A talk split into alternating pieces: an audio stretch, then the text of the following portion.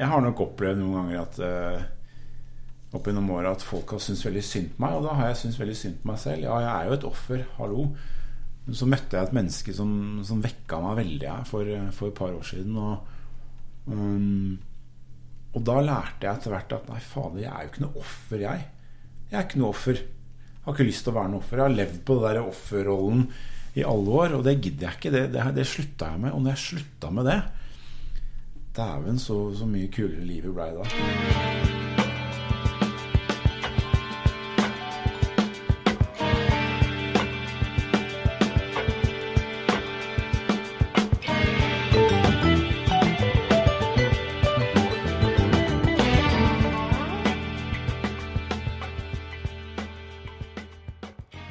Hei og velkommen til denne episoden av podkasten Nå er det alvor. Programlederen er for øyeblikket ekstremt forkjølet og har derfor ingen stemme.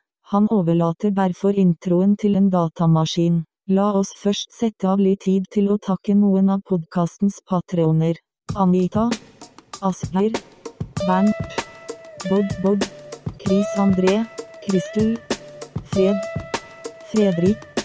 Iselin. Janne. Joakim, Johannes, Mads, Jørgen, Lars-Erik, Marie, Markus, Mathiaud, Ola, Ole Anders, Pål, Remi, Remy, Robert, Ruben, Rudi, Sigrid, Ståle, Svein, Tarjei, Terje, Thomas, Tor Erik, Tyler, Vegard. Denne episoden er også sponset av verdens drøyeste hodelykt og ranoné skiprodusent, Moonlight. Bruk kodeord HK15 og få 15% avslag når du handler på nettsidene deres. La oss sette i gang med dagens episode. Bananeira não sei, bananeira.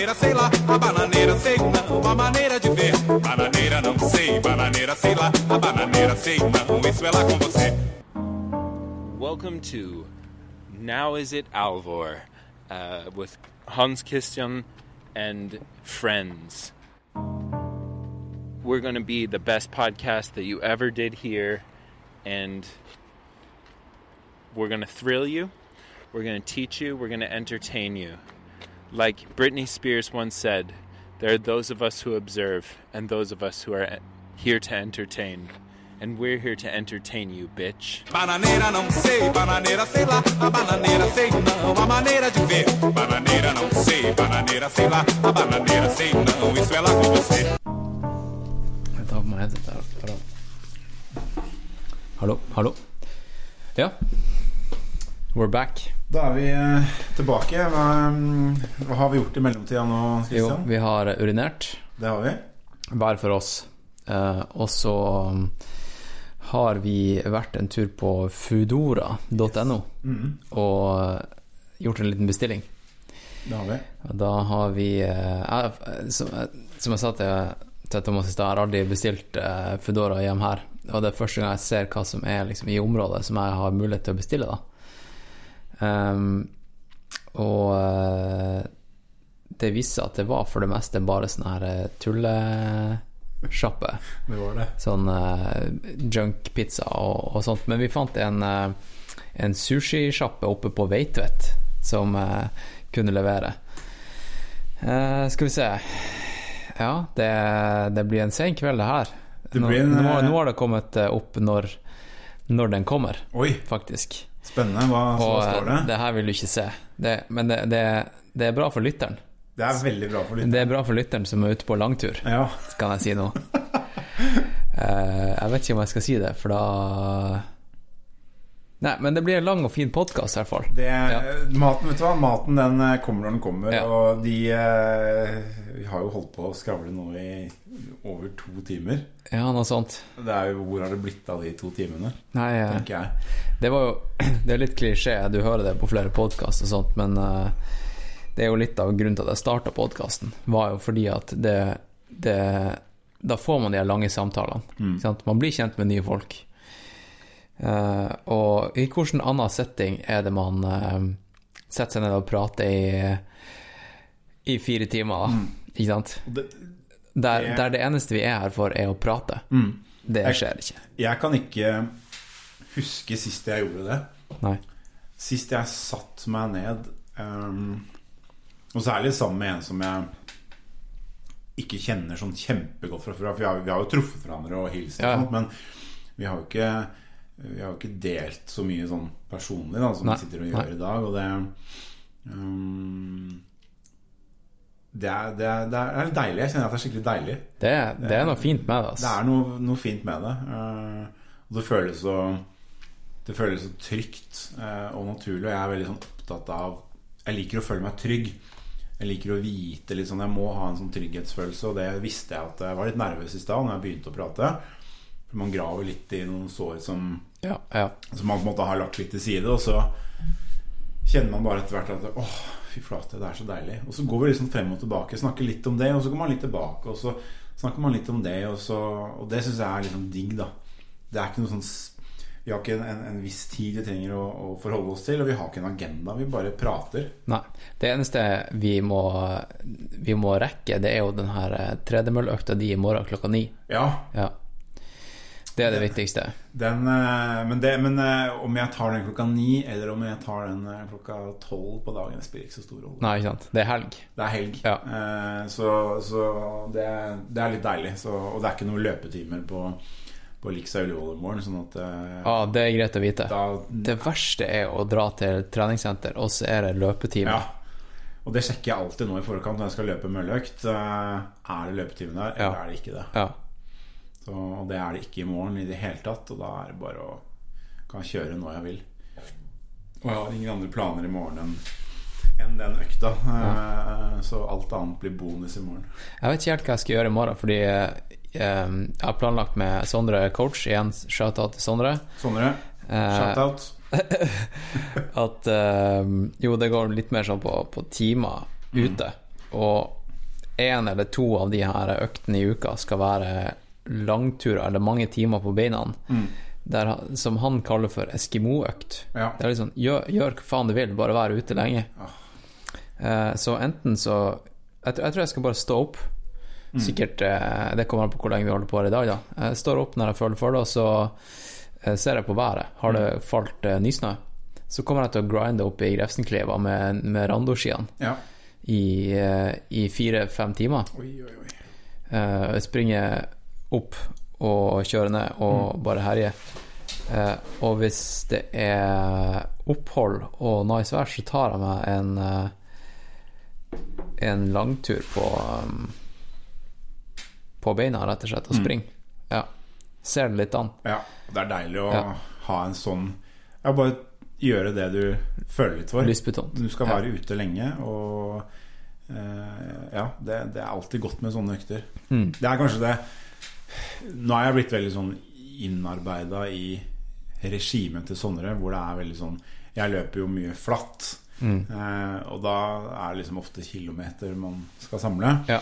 Men så innimellom så kjenner jeg det at det hadde vært digg å kanskje bare Hvis det sto lørdag og søndag eh, Hei, Thomas, gjør hva faen du vil. Ja. Bare løp langt. Bare sørg for å gjøre mye av det. Ja. Ja. Eh, og det, men jeg gjør, jo, jeg gjør jo stort sett som jeg vil. Ja, ja. Jeg følger opplegget hans til punkt og prikke, stort sett, og så gjør jeg mine justeringer innimellom i forhold til hvordan jeg føler meg akkurat der og da. ja.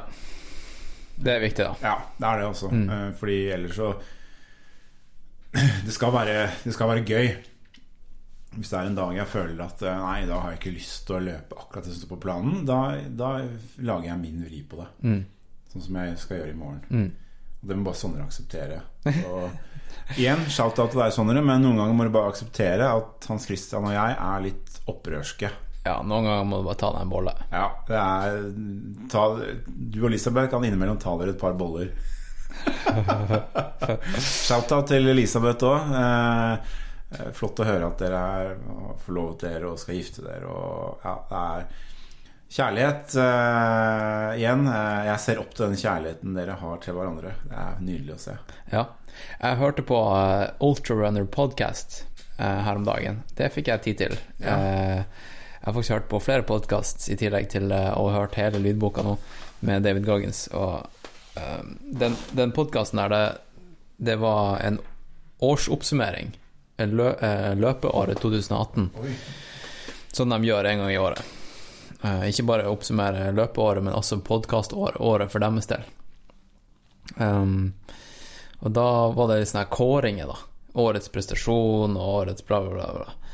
Og da var en av de tingene årets par. Årets løpepar. Oi. Og da nevnte de ikke Sondre og Elisabeth. Gjorde de ikke? Nei. De er jo veldig av USA, amerikanske ultrabobler, da. Ja. Der det eneste som uh, Betyr noe er... betyr noe, er Western States. Mm. Ja, da Det er litt synd, da. Men da, da syns jeg det er på sin plass at, eh, at, eh, Da kan vi gjøre vår scoring her. at, at årets scoring Nå er det alvor. eh, Kjører nå en, eh, en uoffisiell kåring av årets eh, ultrapar. Og det er klart, det er jo eh, Vi skal jo ikke glemme Margrethe og Claesson eh, oppi dette her. Eh, Men de har vært sammen så lenge. Så Ja, det er ikke noe nytt. det er ikke noe nytt. Sorry, Margrethe. Jeg vet du ler når du kommer til å høre dette her. Men, men skal vi ta litt sånn her årsoppsummering, da? Ja, vet du hva? Vi, Det, er jo, det, er jo, det er jo juleepisode, det kan like gjerne kalle det nyttårs... Eller, ja, ja, vi gjør det. vi gjør det. Um, Skal vi også ta og ikke ekskludere resten av løpeverden? Skal vi bare si løpeoppsummering? vi kan ta en løpeoppsummering. Fordi jeg har jo veldig mange løpelyttere, Ja. det, som ikke er så nisjeinteressert. Ja. Men, uh, men selvfølgelig, vi er jo, litt, vi er jo ikke helt uavhengige. Jeg er ikke helt uavhengige, men, men vi, vi prøver å dekke et så stort område som vi klarer å dekke. Ja, og så får vi bare ta med forbehold om at vi har ikke gjort noe research eller for, forberedt oss på det her. det blir jo litt sånn på sparket hva vi tenker og Ja. Vi følger jo mye med begge to, men det er klart eh, eh, Hvis man hadde satt ti stykker her nå til å oppsummere løpeåret sammen med deg, så kan man hende han hadde fått ti forskjellige Ja. Så vi må bare Og så kan man øh, forvente noen sinte mails i Det, og det Ja. er vi åpne for. Det er greit. Vi skal også provosere. Ja. ja. Ok, skal vi starte? Skal Vi, vi eh, starte? Hva, hva, hvis du tenker tilbake på året, eh, hva har vært liksom the pinnacle, tenker du? Ehm, det har vært eh, Norge og, og internasjonalt. Ja. Eh, internasjonalt eh, så har det jo vært noen ganske eh, enorme prestasjoner. Hvis vi tenker f.eks. maraton og halvmaraton, så har det jo smelt noen verdensrekorder både på maraton med Ja. Kipchoge i, i Berlin, og, og halvmaraton-verdensrekorden røyk vel også eh, i år. Så det er klart det er sånn Hvis vi snakker mainstream og commercial, så er det, er det liksom veldig stort. eh, og det er jo klart det brødrene Ingebrigtsen har gjort eh, både nasjonalt og internasjonalt det året her, er jo også ja, det er jo enormt. helt ja, av Ja. en egen klasse. Ja.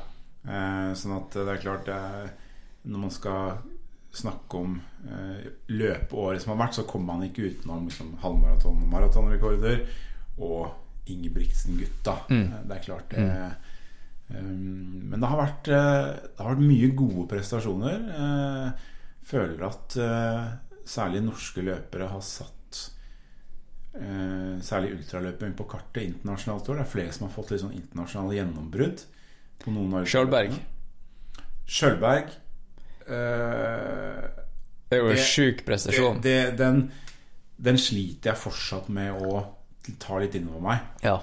Det han gjorde i UTMB, er Jeg satt jo og fulgte med på det løpet eh, nesten kontinuerlig, for jeg hadde sånn jobbhelg, sånn at da fikk jeg muligheten til å følge med på det. Det er det, det, Han så helt uberørt ut Ja, ja, han kom til mål. ja. Hvorfor er ikke han invitert på sånn idrettsgallaen og sånt?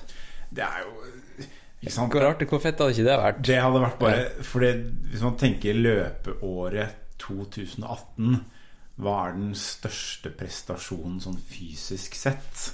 Så er det klart det å, å bli nummer fire Var det fire han ble? Eller fem? Ja, det kan jeg. Nå har jeg datamaskin her, skal Ja. vi ta og få fakta. Jeg tror han ble nummer Ja. fire. Kom akkurat eh, sånn tre minutter bak. eh, Men fire eller fem, det, det er jo bare helt ellevilt. Altså, det, er, det er fysisk sett så er det en helt sinnssyk prestasjon. Mm. Man tenker på antall kilometer og antall høydemeter og det, de forholdene som er underveis i det løpet, da. Her kommer vi inn på ultraløping med en gang, men, det, Ja, ja, ja, ja. Men, men så blir det, for det er en helt sinnssyk prestasjon. Sjølberg er nummer fire. Nummer fire, Mm, ja.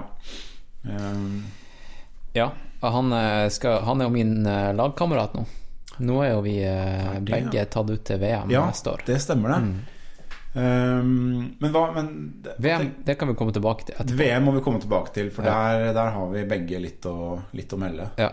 Så, eh, men hvis vi går tilbake igjen til, eh, til eh, løpeåret jeg, Det som jeg sitter igjen med som liksom det største øyeblikket, er når Jim Walmsley vant Western States. ja. Det syns jeg var rett og slett At han kom tilbake etter å ha feila To-tre to, ganger. to ganger. Ja, Eh, og så kommer han tilbake igjen og crusher eh, course recorden og bare Ja, det var, det var helt Det er noe av det råeste jeg har sett. Mm. Ever. 14,5 time. Mm. Det, det er bare Prøv å løpe 14,5 time 16 mil i Eller bare prøve å løpe i 14,5 timer. Ja, prøv å løpe 14,5 Ja. time. Så det, det, var, det var helt ellevilt, det han gjorde der. Ja. Eh, og så kommer vi jo ikke utenom det Kilian Journet gjorde opp og ned mot Everest.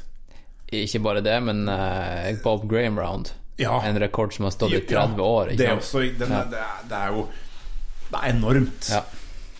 Eh, og selvfølgelig, der må vi også ta med Emilie Forsberg, som også da slo Sondre sin eh, FKT på Kungsleden. Mm. Nå hadde hun et litt andre forutsetninger rundt seg, sånn tidmessig enn det Sondre hadde, men allikevel. Det er helt rått, det hun gjorde der. Sondre hjalp jo henne med logistikken også, Ja, eh, og erfaringer. Ja. Så Så, han visste jo at den var, at den var mulig å ta. Ja. Så det, det, det er ganske Det var ganske heftig. Um, og så syns jeg det er litt morsomt det som skjedde Det var EM i terrengløp nå sist helg, og det er jo Philip vant jo for gutta og Jakob eh, U20, men Karoline, som da fikk bronse Og Ja. hun hadde jo sannsynligvis vunnet hvis det hadde vært 500 meter til. For hun bomma litt på tellinga på siste runden. Mm. Eh, så det, det var jo veldig, veldig Men synd. det ble jo lagt fram som nederlag. Ja, det blei det. Tenk, eh, Hvor sjukt er ikke det? Ja, det. Der har vi Norge kommet som løpenasjon at bronse var nederlag Ja. i EM i terrengløp. Tenk på det. Det, er, det, har, skjedd, det har skjedd mye med norsk løping. eh, Så det Ja. Eh, Jeg må jo også si det at eh, grunnlaget til han Philip, det ble jo lagt på stirsdag. Det ble det, ja. Ja, Oi. han var på stirsdag. Har han vært med på stirsdag, ja, ja. Å, fy flate. Mm. Fett. Stilte i eh, sine Nike 4 %-sko og uh, Når det var noe i sommer, eller? Ja, det var, det var en, god, en godværsdag. Ja. Det begynte å bli litt mørkt, så det var vel utpå høsten litt. Ja, ok. Han bare han, han, ble, jo- han ble sjokkert Nei, han kom jo med han eh, Sindre. Mm. Uh, men uh, han kom jo med uh, Altså, deres definisjon av terrengløp, eller terrengløping, er jo de her golf, golf, gjørmete golfbanene som de Ja. springer på. Mm. Eh, så Lillomarka var litt annet kaliber. Mm. Men han eh, klarte det fint, han. Han er i bra shape. Ja, Men, men jeg tror han er bare sånn utstyrsmessig Mm. ikke hadde tenkt eh, tanken hvor drøyt Hvor drøy marka kan være. Da. nei, det er det, Marka er- Han fikk nok sikkert litt bakoversveis, da, Ja. hvis han kom da med sine Vaporfly 4% Ja, jeg tror ikke det var 4 Neida, men, men, eh, Men eh, ja. han kom sikkert ikke med gode terrengsko. Nei. Nei. Men det er fett. Um, andre norske prestasjoner Altså Sondre Nordstad Moen Mm. sprang vel Det var vel i 2018, på vinteren, at han satt den eh, europeiske rekorden. Det var vel eh, rundt et, ja, det, var, det var på slutten av 2017. Ja, det var det, ja. Men ja. det er klart, vi skal jo ta et, det siste året. Ja, sant det. Da, Ja. er jo, da er vi jo innafor. Ja, ja. Ja, det var jo helt ellevilt, det han gjorde der. Eh, Den ble jo senere tatt av Mo Farah. Mo ikke så lenge siden. Shout-out til Mo Farah. Jeg snakka med han i forgårs. Ja. Eh, jeg drev og printa ut noen bilder. Du kan se bak der. Det henger der. Mm. Eh, også på kjøleskapet mitt. ja. Her eh, er det bildet fra treningsleiren jeg var på i Etiopia. Jeg bare sendte han bildet og sa nå er du på veggen i Studio Disen. Så Så svarte han uh, Epic. Uh, good times. Good memories. Det er ganske kult. eh, Sitter i en, i en leilighet i Disenveien, og så Jeg sendte en melding til han Mo Farah, og han svarte at det var helt epic. Det er ganske stort, det. Altså, Christian. Det er artig, da. Ja, men, men, men det er jo bare Det er jo liksom Det høres Det høres stort ut, men han er jo bare et vanlig menneske. Han er jo det. Det er jo alle på jorda. Ja. Det er bare at han springer gjerne fort. Han gjør det. Og så er jo du en likandes kar og skjønner at eh, de store gutta har lyst til å være på lag med deg. nei, nei Mo Farah han vet jo ingenting om eh, ultraløping. Nei da, men eh, du har jo Men vært var- på treningsleir nedi der. Og, Det hadde vært artig å se han prøve seg. Ja, ja det Helt ærlig, Christian, hva tror du liksom de gutta hadde gjort på et sånt Hva tror du, Et sånt 100 km, da. En flat 100 km. Elliot og Mo Farah. Mm. Hvis de hadde trent Tror du de hadde klart det? Å løpe fort? Eller er det for, Ja, ja, ja. For langt for dem? Nei, jeg, jeg, tror ikke de, jeg tror ikke de bare nå kunne signa seg opp på en 100K og gjort det bra. Nei. Fordi jeg tror de trenger et, bare et par race med erfaring. Så tror jeg de kunne gjort det dritbra. Ja.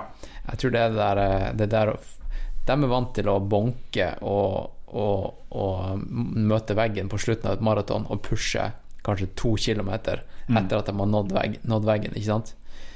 Men, men hva skal de gjøre dem når de er kanskje 50 km ute i racet Mm. og når veggen for fjerde gang? Ikke sant? Og det å, å skjønne og begripe at det her Det ordner seg. Mm. Bare du får litt næring og tar det litt rolig.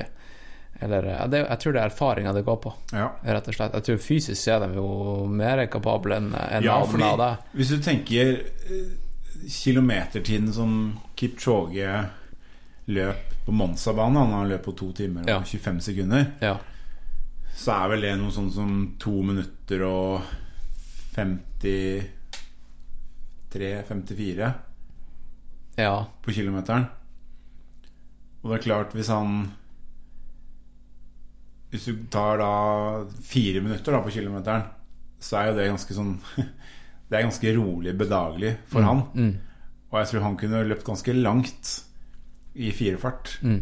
Eh, Det var jo, det var jo rolig, rolig eh, langturturen eh, for da jeg var og sprang med, med Mudane-teamet i Etiopia. mm, Da var, men da var vi også på, på 2005-2006 og sprang flatt da på gresslette. ja. Uh, da lå vi på 4-10-fart. Og det var rolig for de. Det var rolig. ja. Ja. Hvordan, hvordan føltes det for deg? Uh, Jeg var på uh, Ok, la- det her var ikke rolig tur for dem. Det var, det var Effort-messig så ville jeg sammenligne det som hvis jeg hadde vært på en Noe her i lavlandet, da. Mm. Så kanskje en, en klassisk sånn her sone tre-tur. Ja. ja. Ikke sant? En, den sonen som vi liker å kalle black hole-sonen. No, no man's land. No, no jeg ville ikke land. vært i, det, i den, nei. Eh, men eh, der var jeg på terskel, Mm. Ja. og, eh, og, og pusha grensa. ja. Mm. Herlig. Men, men for dem, da, så vil jeg tippe at det var eh, kanskje lav sone tre. Ja. Sone tre. Ja. Mm. Mens jeg var pusha opp mot sone fem. ja. og det er, det, er, det er veldig sånn fascinerende De der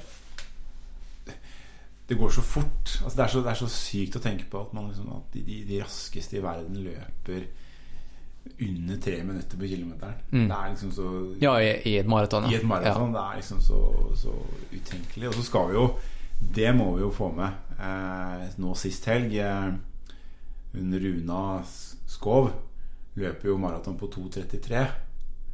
Det har ikke jeg fått med meg. Hun er jo ikke mer enn 6-27 år gammel. Seriøst. Så Runa, hvis du hører på dette her eh, Jeg skal i hvert fall sende deg linken til eh, showet. Shout-out til deg og teamet ditt. Eh, det er helt rå prestasjon. Ja, nå, skal jeg gå inn, nå er jeg inne på Kondis her nå. Ja, Jeg regner med at det er en nyhet eh, om Det er en nyhet. eh, Så det er klart det, det er en av de virkelig store løpsprestasjonene det året her. eh, På, på, på damesida.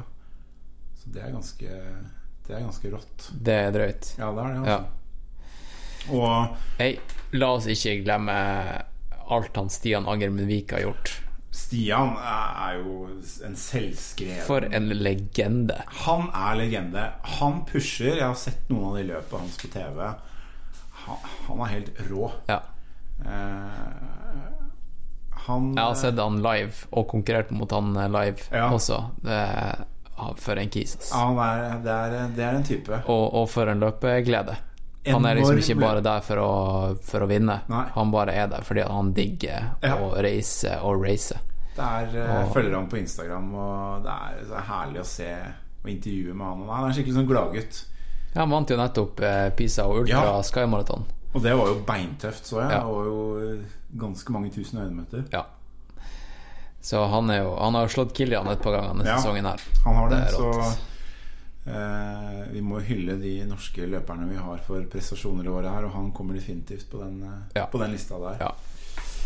Um, og så syns jeg det var ganske kult med Med Runar Sæther som crusha det på Le Templier. Ja. Ble nummer fem Ja. der. ja. Med knall og fall og litt trøblete opplading. Og, Mm. og han var jo i ferd med også å gjøre en helt ellevilt bra ecotrail. Før han måtte Han ga seg vel på Fossum. ja, det var Han bonka. Ja, han bonka skikkelig. Det var jo en ekstremt varm dag. Ja, det var det. Så og, Nei, så han eh, Det er kult at han slo tilbake igjen der. Altså, Templier er et bra løp. Og ja eh, Helt utrolig at ikke han eh,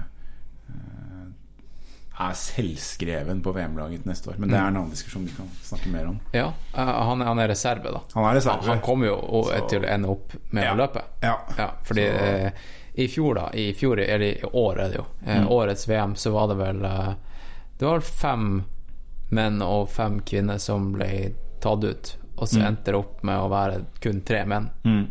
Ingen kvinner. Nei. Eh, så, og, og det er jo litt sånn Det er jo mange tilfeldigheter også. Mm. Det var Folk takka nei av ulike, ulike grunner. Uh, men det er alltid noe, noe frafall, så den reserven der, den får han. Ja, det tror jeg Ja. altså. Ja. Så altså, Han, er, han er så Han er farlig rask, ass. han er sinnssykt rask, og Jeg er redd han Runar. Ja, det, det, det, det skjønner jeg, altså. Nei da, jeg er ikke redd. Nei, men det, det er, Og så syns jeg jo eh, Syns jeg jo du har hatt noen eh, Du også har jo hatt litt sånn småtrøbbel med kroppen i år. ja, ja. Men fader, du, du har jo levert noen kjempebra løp. I VM så, så, så gjorde du en kjempeprestasjon, og du var jo nylig, nylig i Skottland og kom inn på en ja 14.-plass i VM. 14.-plass i VM. Ja. Og så var det Du har hatt noen eh, Det var ett løp jeg fulgte med på her. Faen, det er ikke så lenge siden det. Hvor du løp inn eh, Var det løpet som han svensken Jonsson eh, gjorde ganske bra, og så kom du inn på en Hvilken 8, 9, 10, 11-plass? ja, jeg sprang i Det det, var kanskje VM jeg fulgte Ja, og, og så sprang jeg jo Limone Sky Race, da. Det var jo siste i Ja. år. det Og da tok jeg jo han eh, André Jonsson. Da slo du jo Jonsson. Ja, jeg, tok jo, jeg tok jo han, han selveste eh, Anton Krupitsjka, altså. Du knuste jo Kropica. Grusa. Eh, han er jo en levende legende. Jeg så, jeg så faktisk uh, den der film Jeg spolte kjapt gjennom den der Western States-filmen Unbreakable. Ja, ja, ja. Fordi jeg var, jeg var Jeg har nevnt det i podkasten flere ganger at jeg driver og lager dokumentarfilm om eh, den her Jotunheimen-ekspedisjonen. Ja. som også er noe vi burde snakke om, Ja. som en av årets store begivenheter. Helt, ja. Johannes Rummeloff, shout-out til, eh, til deg. ja. Eh, men ja, jeg var hos han uh, regissøren i går, Mm. Marius. Eh, og um, eh, han er jo ikke en løper. Nei. Eller sånn Han springer litt på asfalt her og der, men han, han er ikke en, en ultraterrengløper. Mm. Akkurat. Men han har forresten meldt seg på Ecotrail 30 km. Han det, ja. Han er inspirert. Oi. Da er Så han, han kommer til å bli et fast innslag på tirsdag snart. Ja, bra. Men eh, jo, jeg skulle bare vise han Western States. Jeg driver liksom lære han opp i trail-video-historikken også, sånn at han skjønner liksom referanser og eh, kan fortelle en, en, en historie fra stien. Det er viktig, da. Ja, det er viktig, altså. Eh, skole han litt om, eh, om ja, alle de legendariske trailfilmene. Mm. Uh, så da så vi store deler av Unbreakable i går. Ja. Og da så han uh, Krupitsjka og tenkte bare shit, jeg slo han jo. Ja. Han der kissen har sett opp til uh, i flere år nå. Ja. Ja, det, Det, det var artig. Det er, det er artig. Det er bare en liten sånn sidedigresjon når vi snakker om sånn eh, beste prestasjoner. Så er litt gøy å snu det. da Hva har vært den- de de dårligste ultraprestasjonen ultraprestasjonene de siste åra? Sånn overraskende dårlig. Ja, sånn helt, eller helt sånn helt på bånn. Og da skal jeg faktisk eh, eh, sette opp eh, mitt navn som nummer én. Okay. Eh, fordi vi må tilbake noen år, da, så vi må dra den kåringen her litt sånn eh, Men i 2014 så eh, Gjennom Runners World så fikk jeg lov til å velge hvilken distanse jeg skulle løpe på Matterhorn Ultrax. Ja. Og jeg hadde jo aldri løpt på sti. Det her var jo 2014. og Jeg hadde jo ingen forutsetninger for noen ting. Jeg visste ikke at du har sprunget det racet. Nei, altså jeg meldte meg på For det er jo høyden også. Ja. Det skal jeg springe neste år. Ja, jeg, jeg har sett Ja, det. ja. Det jeg, og da meldte jeg meg på 46 km. Kommer ned dit med eh, en løpesekk som jeg knapt nok hadde løpt med, og eh, Assix Gel Cayano Nei. tunge løpesko. Og bare Ja da, her skal vi ut og løpe ultra i Alpene. I høyden. Ja. Du kan tro jeg fikk tidenes sjokk. Eh, og jeg ble faktisk sistemann. Eh, Seriøst? Eh, Men du, du, du nådde Jeg fullførte. Ja, men det, ja, det var ikke Du nådde- nådde Cut Ja, jeg nådde- nådde cutoffen eh, på, på, med nød og neppe. Eller jeg Ja. var, var godt innafor etter tre mil. Eh, men ja, det som eh, så det, Og jeg brukte 11,5-12 timer. Eh, det var mer, det var, jeg gikk jo sikkert 90% av løpet. Jeg var jo Kom til gratt, så var jeg jo død. Eh, Da visste jeg jo ikke opp ned på noen ting. Men det som var så fantastisk med det løpet, var løypevaktene, som fjerner løypemarkeringen. de var jo bak meg. Mm. Og det var hele tiden dialog mellom de og de i målområdet. Eh, og så hadde vi det siste partiet. Det, er liksom der, det går rett ned i tre kilometer. Og da kommuniserte de ned til Ja, nå er ikke sistemann så langt unna, så nå kan dere begynne å forberede på at han kommer. Ja. Og så når det er én kilometer igjen, da kommer du liksom ned i byen. Eh, eh, og har da et ganske langt oppløp og, og dette her. Og jeg blir da tatt imot av hundrevis av tilskuere med kubjeller. Og det, det er altså Det er Jeg får gåsehud bare av å tenke på det. Det, det, er, det er noe av den, en av de sjukeste opplevelsene jeg har hatt som løper. Eh, å bli møtt av å, da svensken André Jonsson, som i det løpet der fikk et litt sånn gjennombrudd. Han ble nummer fem. Ja. Han sto der og tok meg imot og ga meg en kald cola. Eh, det, var, ja, så det var bare en sånn eh, liten digresjon når vi snakker om også Men det er kult å høre, da. Ja. Også at han har holdt på såpass lenge. Han har det. Ja. Han har holdt det, på lenge. Vi skal og- ikke glemme det at mange av de her eh, store prestasjonene Det ligger jævla mye trening bak Mm. det. ass. Og nå sier du 2014. Ja, Nå skriver vi straks 2019. Det er fem år siden. det er det. Fire-fem år siden. Eh, og ja, og da Ja, han har hatt litt av en reise. Mm. Eh, ja da. Nei, men tilbake igjen til, eh, til løpeåret. Det skjedde vel noe under Ecotrail i år. Hun derre Du kjenner vel hun, hun Molly? Molly, ja. ja. Hun vant Hun er jo en skyblazer. Hun er Skyblazer. Ja. Hun vant vel 80-kilometeren? Det- Nei. Jeg bare Hun gjorde det ganske bra i det løpet. Ja, nå, du, nå skal jeg sjekke her. Ta så sjekk eh, Fordi vi var jo flere Skyblazers. som Dere var bra. flere Skyblazers som, eh, som eh, blaza godt igjennom eh, Ja. ja. Det er jo Skyblazers år, kan vi jo si. Er, Skyblazer Hæ? er årets uh, løpeklubb. Det er ikke Tre. Skyblazers som er tatt ut til VM. Ja, det Hvor er, fett er ikke det? det, er, det er helt konge. Det er fett. See results her. Ja, for hun tror eh, Jeg sto på den der eh, mat- og drikkestasjonen på Sørkedalen, og hun, eh, hun pusha bra. Jeg tror hun gjorde det veldig bra på den distansen hun løp. Molly vant. Hun vant 8-kilometeren, Mm. så det er jo en kjempe, kjempeprestasjon. Ja. Og Ingrid Elid på andre. Ja, stemmer det. Eh, både Molly og Ingrid var jo på podkasten, forrige Ja, det var de. Det stemmer. og Liss kom på tredje. Mm. Så det var uh... Liss som eh, gjorde det dritbra på 24-timeren. eh. Ja. Det så jeg ga henne en shout-out i forrige podkast også. Ja, det husker jeg. Eh, Hun og- løper 207 Godt over 200 Godt over 200 km. Ja. 211, tror jeg. 211. Ja. Eh, så eh, det, det er også en av de store prestasjonene i år. Mm, mm. Um, ja. Og, og ikke bare har hun gjort det bra, men, men hun har kommet tilbake fra en skade. Mm. Stressbrudd. ja, hun var ute ganske lenge. Hun var ute ganske lenge hun kunne kunne ikke springe nok. Nei. Måtte starte liksom å springe fem minutter én dag, Mm. Ja. og så ti minutter neste. Ikke sant? Ja. Så det, det er ganske utrolig da å komme tilbake igjen. Og, og hun har trøbla litt i år også.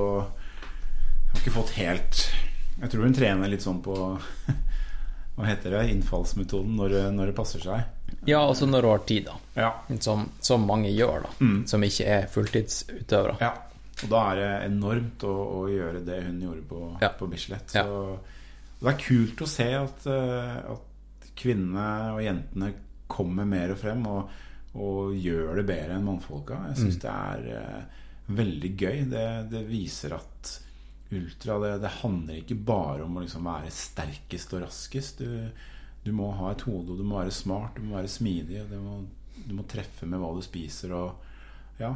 og Ingrid Lie hun vant vel også en 100 miles her i høst? Gjorde hun ikke Ja, det? det gjorde hun. I England, tror jeg. Ja, det var vel i Var det i Sånn Centurion-løp eh, eller noe sånt. Ingrid Lie der? Ja, hun gjorde jo det. Ja, Ja, ja. så Og hun er Hun er hun, hun kommer, Spennende å følge henne i åra fremover. Ja, hun er gangster. Absolutt. Hun er gangster. Ja. Og så skal vi ikke glemme Når vi først er inne på, på Vi må få med kvinner også. Vi kan ikke bare snakke om mannfolka. Um, dette her er lange ultraløpet i Hellas. Spartlaton. ja. Spartatlon. Spa Spartatlon.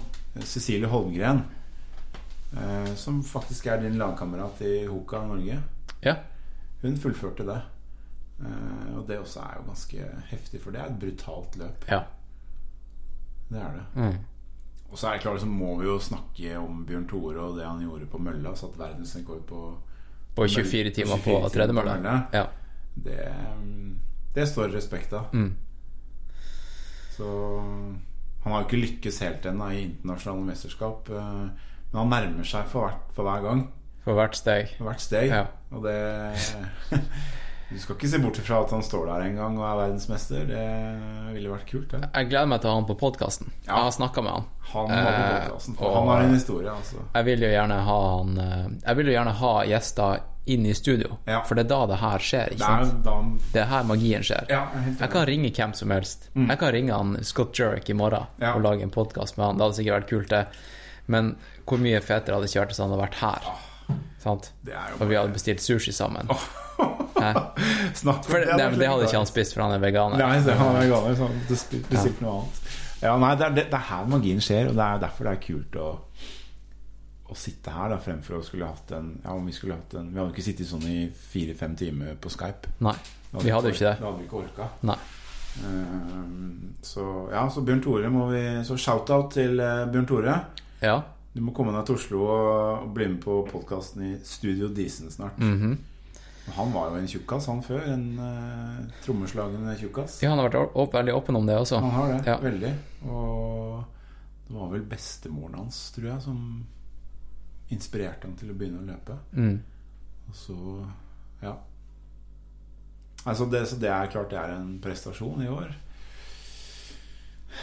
Flere Jeg tror Margrethe også hadde en, en god plassering her på et ganske tøft ultraløp for ikke så lenge siden.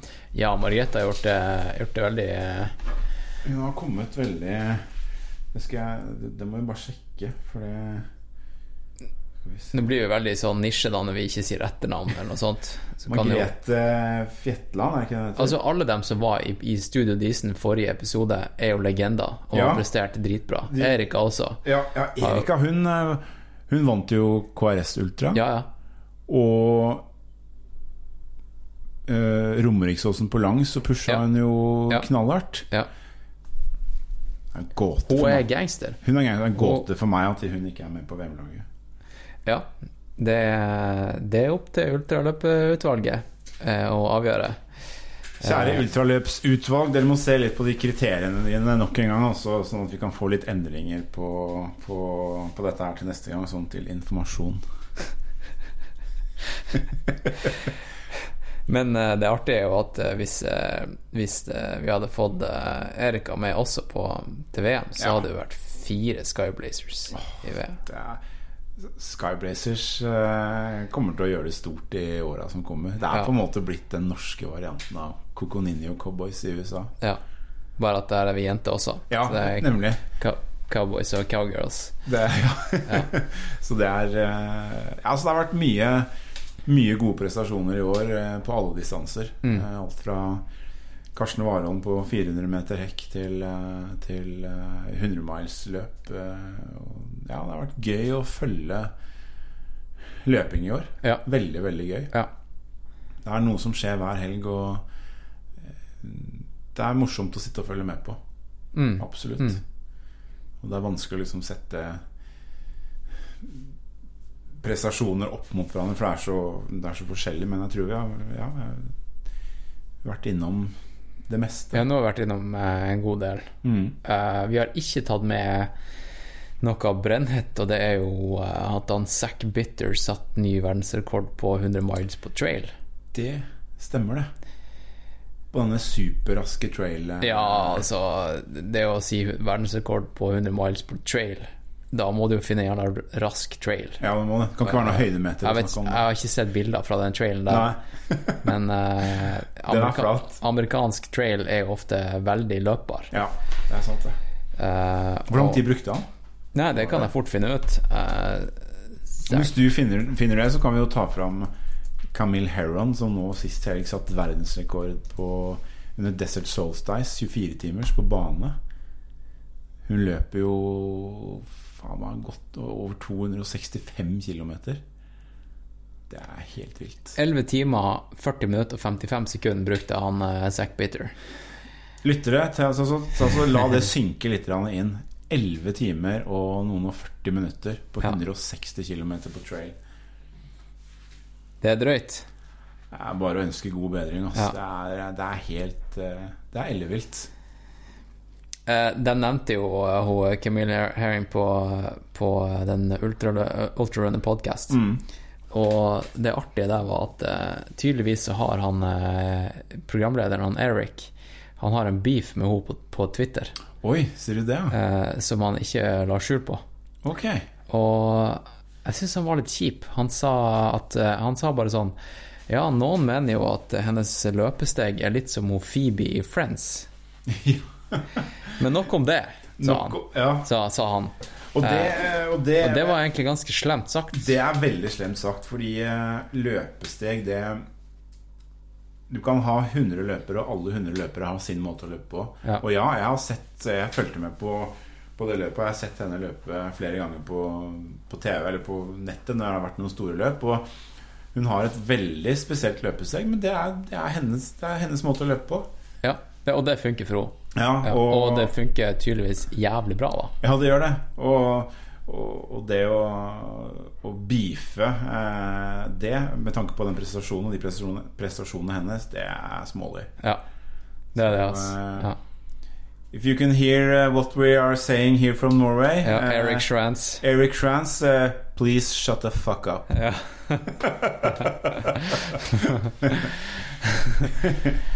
ja. Så Ja, men det løpeåret her har vært, eh, vært veldig Det spennende. har vært fint. Det Altså. har vært veldig fint. Er det over? Nå er vi eh, Ja, året er jo snart eh, ferdig. Det er lytteren kommer til å høre det her. Jeg vet ikke helt når jeg skal release podkasten. Det, Men, men det blir nok Det blir det siste før året, tenker jeg. ja. Ja. Jeg har jo bare for å ta sånn I morgen så skal Therese Falk løpe 24-timers i Barcelona. Skal det? Og hvis hun virkelig får det til å stemme der, så løper hun over 240 km på en god dag. Hun, hun, er, hun er jo helt rå. Hun har jo vært best de siste åra i Norge på 24-timers. Eh, så ja, det blir spennende å se hva hun kan gjøre der nede i morgen. Mm. Utendørs. Det er utendørs, ja. Hvordan er banen der? Det, jeg tror det er vanlig tartan. Vanlig tartan? Jeg tror det er vanlig sånn friidrettsbane. Ja. Dæven. Så Hva du tror du er, er verst psykisk? Det eller eh, nede på Bislett? jeg, For der har du Mm. tunnelsyn, bokstavelig talt. jeg tror sånn jeg tenker innimellom Ok, Thomas, hva, hvor har du størst potensial? Eh, og Det kan godt være at Sondre er uenig, og at andre er uenige. Men jeg tror at jeg har størst potensial på 24 timers på bane, vanlig tartandekke utendørs. Mm. jeg har kjempelyst eh, til å se hvor langt jeg kan komme med en god oppladning på en utendørs eh, på 24 timer. Eh, når det stemmer. Fordi jeg tror det er mye lettere psykisk å løpe ute. Ja. Helt åpent og med frisk luft og eh, Bislett det er, Jeg sliter veldig med Bislett. ja. Men Oi, er det her Foodoraen? Skal vi. Her ringer det på. Det gikk jo fort. Spennende, spennende. Eh, det er Hans Christian som sier hallo. Det er maten. All right. Da kommer du opp, eller? Kjære lyttere, maten er på gang. Hans Christian bor i fjerde etasje. Kom dit. Det som er når jeg ringte på hos Hans Christian, sa, så kom ikke jeg inn, så han måtte gå ned og låse opp. All right. Yes! Oi, her blir det, nå blir det fest. Det var best. Dæven. Dette her blir helt konge. Ja, Det spørs om lytteren vil høre at vi spiser. Da må vi spise litt uh, diskré. Men vi kan jo snakke litt mens vi pakker det ut og sånt. det kan vi gjøre. Vi har bestilt uh, vårruller, Sushi og maki. sushi og maki. Der var det fire vårruller. Fire her, altså. Den er din. Oi. Og så tenker jeg kanskje at vi kan ta og ta på litt pause. Vi tar nå litt pause, Ja. og så, så får vi spist litt. Anna. Ja, da er vi også i kjempebra humør når vi kommer tilbake. Oh, yes. Blodsukkeret er på topp. Definitivt. Eh, og så eh, Ja, for lytteren så er jo det, tar jo det her ett sekund. Så vi, eh, vi snakkes om ett sekund. Ha det bra. Ha det. Ja, da Da var vi tilbake. Da er vi tilbake, gode og mette. God Mette, var det Er du fornøyd med måltidet? Veldig, veldig fornøyd. Det blei fire vårruller og 18 biter med maki. Ja.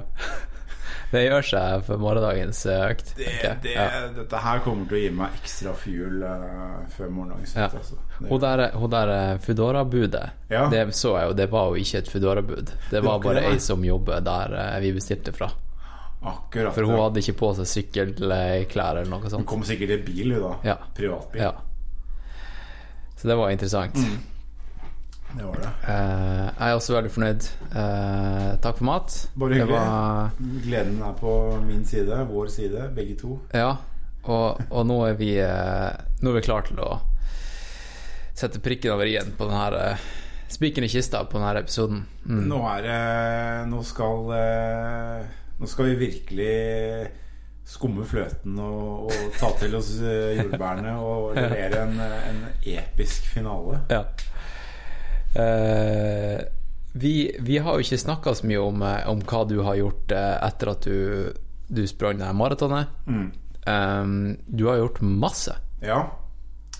Sant? Nå har vi bare nå, nå, Bare, sier jeg. Vi har snakket, vi, du har vært veldig ærlig og åpen om, om, om tid i livet ditt. Eh, og liksom fram til du var ca. 35.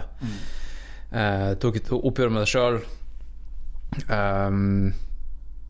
du begynte å løpe, du sprang maraton. Og så Mm. Ja. ja. Det, Det, det det er fem år siden. Hva, hva har du gjort, på de fem årene? Mm. Uff, det har vært uh, litt av en reise. Eh, Bokstavelig talt. Jeg har reist jorda rundt med løpeskoene på. Eh, det, det som sagt eh, Etter Bislett 50 km i, i 2014 så, så kjente jeg mer med dragning mot å løpe langt. Mm. Eh, og plutselig så løper jeg flere ultraløp. Eh, to ganger på 14 dager så løper jeg Oslofjorden rundt ultra. Fra Moss til Sandvika. 90 km. Jeg gjorde det på trening to uker før selve løpet. Hvor dum går det ikke an å bli? Hadde du Eh, trener, da? Nei, Nei. da hadde jeg ikke en trener. Da hadde jeg litt hjelp av Andreas Gossner. Shout-out til Andreas Gossner, som Ja. lagde litt sånn enkle løpeprogram for meg eh, i 2000 slutten av 2014. Eh, plutselig, mm, på selve konkurransedagen eh, ute i oktober på Oslofjorden rundt Ultra i 2014, så jeg gjorde det ganske bra. Det var, liksom det var ikke gjennombrudd, men for meg personlig så var det en seier fordi jeg løp liksom jevnt bra i 85-90 km. Da. Mm. Og da skjønte jeg at eh, her er det noe å bygge videre på. Her er det noe å, å jobbe mot. Og ble da litt nysgjerrig på det å ha en ordentlig god coach. Eh, og hadde liksom planer om å løpe Tech 200 miles i april 2015. Det var helt Hva, hva er det? eh, Det der Taby Extreme Challenge som er i Sverige. Der er det blant annet Det har ikke jeg hørt om. det er et veldig, veldig stort eh, Det er fullboka stort sett hvert år. 50 okay. miles, 100 miles eh, Det er veldig sånn er, Løper en sånn rundløype da utenfor okay. Stockholm. Det er veldig mange svensker som løper det, og blitt veldig populært blant eh, en del nordmenn. Så hadde jeg liksom bestemt meg for at nei, vi skal løpe 200 miles. Men da hadde jeg jo aldri Jeg hadde ikke noe forhold til den distansen da. Um, så henta jeg Sondre som coach, og fikk han uh, på plass i desember 2014. Mm. Eh, Med det målet at han skulle trene meg opp til at jeg skulle klare å fullføre 200 miles. Han var nok ganske uenig i akkurat det. Eh, og vi skjønte jo ganske kjapt og etter hvert at det var ganske sånn meningsløst. Så fikk jeg også en bitte, bitte liten skade som satte meg ut en liten uke. Eh, noen uker før løpet, og da bare bestemte vi oss for at nei, det, vi dropper det. Ja. Så jeg hadde jo kjempesuksess med han i 2015. Da persa jeg på alle distanser fra 10 km til, eh, til 50 km. Mm. Det var det året jeg for første gang løp under 40 minutter på mila. Eh, løp maraton på 3.11. Løp 50 km på 3.53. Og halvmaraton på 1.27,30. Eh, hadde liksom kjempe. Og han gikk liksom bare rett til værs. Mm. Og da begynte jeg liksom å bli ganske stor, stor i gåseøyne, eh, i hvert fall som løper i sosiale medier. ja. Mange av dem, nesten 5000 følgere på Instagram. Og, Skrev du for Runners World da? ja, Ja. det gjorde jeg. Ja, um, og så lanserte jeg Jeg fikk noen sånne crazy tanker om at det er jo så kult det hadde vært å drive med dette her på heltid. Mm. Og liksom reise litt rundt i verden og holde foredrag, eh, være litt løpecoach, være litt mentaltrener. Og, for da hadde jeg virkelig et sånn ganske Et ganske sånn rått mindset, da. Eh, Jeg hadde nok mista litt kontakt, bakkekontakten. Det skal jeg være ærlig innrømme. At det, det er i hvert fall nå når jeg ser tilbake igjen på det. Det ble veldig en sånn boble hvor løpingen og alt rundt ble veldig sånn altoppslukende. Ehm, Men det var innmari kult, det var eh, morsomt, og jeg begynte å få veldig sånn interesse for ekstreme ultraløp. Gjerne i sånne sjuke environments ute i, ja, i Antarktis. Eller altså, det har jo noen løp som går eh, på den delen av jorda da hvor det er liksom 50 minusgrader og Mm. eh, den type ting. Og i ørken da hvor det er 40-50 varmegrader. Så ble jeg sånn nysgjerrig på sånn multiday race og, og den type ting. Og da hadde jeg lyst til å bli ørkenløper. Jeg hadde lyst til å bli den første norske som gjorde Grand Slam, altså Four Deserts Grand Slam. Gjøre fire ørkenløp av 250 km på ett år. Og jeg bare lanserte dette her i, i sosiale medier, og, og det bare tok fullstendig av.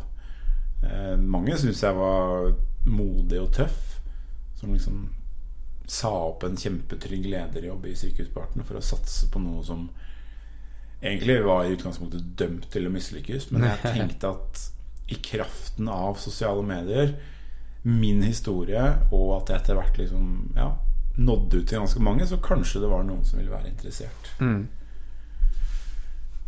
Og det skjedde jo mye. Det var jo folk som kom inn og lagde hjemmesiden min. Jeg ble sponsa av Sport1 Storgata, ble ambassadør for de. Salomon kom inn i bildet. Altra, Sunto. Sponsor, Sport uh, Food uh, kom inn. Så jeg, så jeg var liksom dekket fra topp til tå. Ja.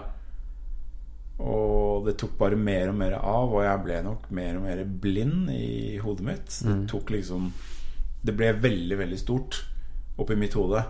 Uh, og jeg mista litt sånn bakkekontakt, da, kan du si. Ja. ja. Eh, og Det er fort gjort, det, da. Ja, det er fort Ja. gjort. Og det er klart, når du da kommer fra de kåra jeg kom fra, og liksom ikke opplevd noe særlig mestring, og ikke opplevd noe særlig gode opplevelser og, og morsomme, kule ting i mange, mange år, både som barn, og ungdom og voksen, og så plutselig så dukker det opp sånne muligheter. Jeg kunne jo ikke si nei. Nei. Jeg måtte jo bare gjøre det. Jeg var jo veldig opptatt av at eh, ja, jeg skal skrive bok, jeg skal lage dokumentar, jeg skal reise verden rundt og fortelle om dette her. Og, og jeg mener fortsatt den dag i dag at hadde jeg fullført Sahara Race, altså det første løpet som var, Ja. i mai 2016, så hadde jeg klart de andre tre. Men jeg måtte bryte det løpet der, og da raste jo bare hele drømmen sammen. Og jeg mener fortsatt den dag i dag at hadde jeg fullført Sahara Race, vært smart der, så hadde jeg klart å fullføre de andre og nådd det målet. Ja, for nå, nå Spoiler alert. Ja, Ja. spoiler alert. jeg ble ikke den eh, første nordmannen som gjorde en Grand Slam på ett år, og det er jeg i dag glad for, egentlig. Fordi jeg fikk en wake-up call der nede i ørkenen ja. i Namibia i, på vårparten 2016. Eh, da skjønte jeg at livet er faktisk mer enn å drive med dette her. Eh, og særlig når du ligger der eh, på checkpoint 4 under etappe 4, eller checkpoint 2 under etappe 4, eh, og du ikke klarer å gå et steg lenger fordi kroppen har skrudd seg av. Du har ikke sjans, du ligger der og får intravenøst, og i det øyeblikket jeg fikk intravenøst, så skjønte jeg at nå blir jeg ikke den første norske, eller nå klarer jeg ikke å løpe disse fire ørkenløpene på ett år. Nei. Fordi nå er du ute av løpet, fordi da blir du diskvalifisert. Og det var ganske hardt eh, å takle for eh, unge Stordalen. Eh, Ja. Det er ikke noe tvil om. For det hadde Sondre og jeg jobba for i mange måneder. Forberedelsene var knallgode, utstyret var på plass, alt lå til rette. Men jeg pusha meg selv for hardt i starten. Jeg kom inn som nummer 18 på den første etappen. Uh, og det sjokkerte nok ganske mange, uh, inkludert meg selv. Fordi målet ditt var egentlig bare å fullføre. Fullføre. Ja. Eh, Og så slo adre- adrenalinet ja, det konkurranseinstinktet kom allerede på første etappe der. Ja, selvfølgelig. og det var jo helt meningsløst. Og det, det dro jeg jo med meg da på de neste etappene, og til slutt så var kroppen eh, ferdig, da. Mm. Den slo seg bare av.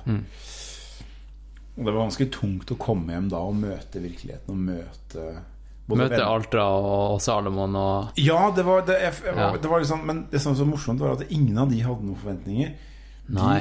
De, de støttet meg ikke fordi jeg skulle bli best, eller fordi de hadde, ingen av de forventa noen ting. Nei. Eh, Det var bare jeg som lagde forventninger i mitt hode. Ja, Eh, det er interessant. Ja, det er, det er veldig interessant. Ja. jeg, jeg vet ikke hvorfor det var så viktig for meg å bli best. Jeg hadde, det var vel noe jeg skulle bevise. Eh, at jeg kom fra, fra intet, altså liksom fra null til 100, på en måte. Mm.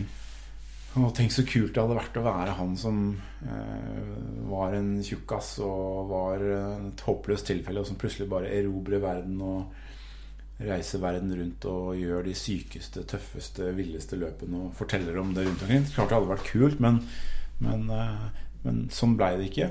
Og eh, satsingen døde mer og mer ut, og jeg ble mer og mer lei av det jaget av å være på sosiale medier. Mm. Eh, Det gikk jo så langt at jeg var ikke fornøyd hvis ikke jeg fant en quote, inspirasjonsquote, som passa til det bildet jeg la ut. Det var veldig viktig for meg å finne den perfekte teksten til det perfekte bildet.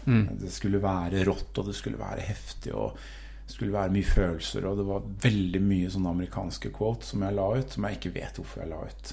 Nei.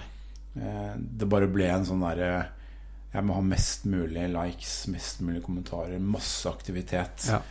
For det syns da, da vokser jeg bare mer og mer. Uh, og jeg tenkte at ok, jeg, jeg måtte bryte Sahara Race, og det var veldig vondt. Så da måtte man ta et valg. Skal jeg da fortsette å gjøre Gobi i Kina og Atacama Crossing? Eh, eller skal jeg ikke gjøre det? Og da bestemte man for at jeg dropper Gobi, for det var bare to måneder unna. Eller to måneder etter Sahara Race. Jeg var så mentalt sliten Mm. at jeg orka ikke å gå på et sånt ørkenløp til så kort eh, tid etterpå. Men jeg bestemte meg på sommeren at jeg legger alle eggene i kurven, og så skal jeg fullføre Atacama Crossing. Jeg skal komme tilbake igjen til Chile, eller komme dra til Chile, og jeg skal fullføre, og jeg skal vise at jeg kan fullføre det på en god, smart, fornuftig måte. Og det Den uka i Atacama-ørkenen, det er eh, Det kommer jeg aldri til å glemme. Ja, fortell. Det, jeg får helt gåsehud bare av å tenke på det, fordi det, det, det er en opplevelse som er helt unik. Atacama-ørkenen er jo verdens tørreste ørken. Um, jeg husker på natt til første etappe eh, Jeg tror det var i den Rainbow Valley, tror jeg den heter, den campen. Ligger liksom på tre, over 3000 meter høyde.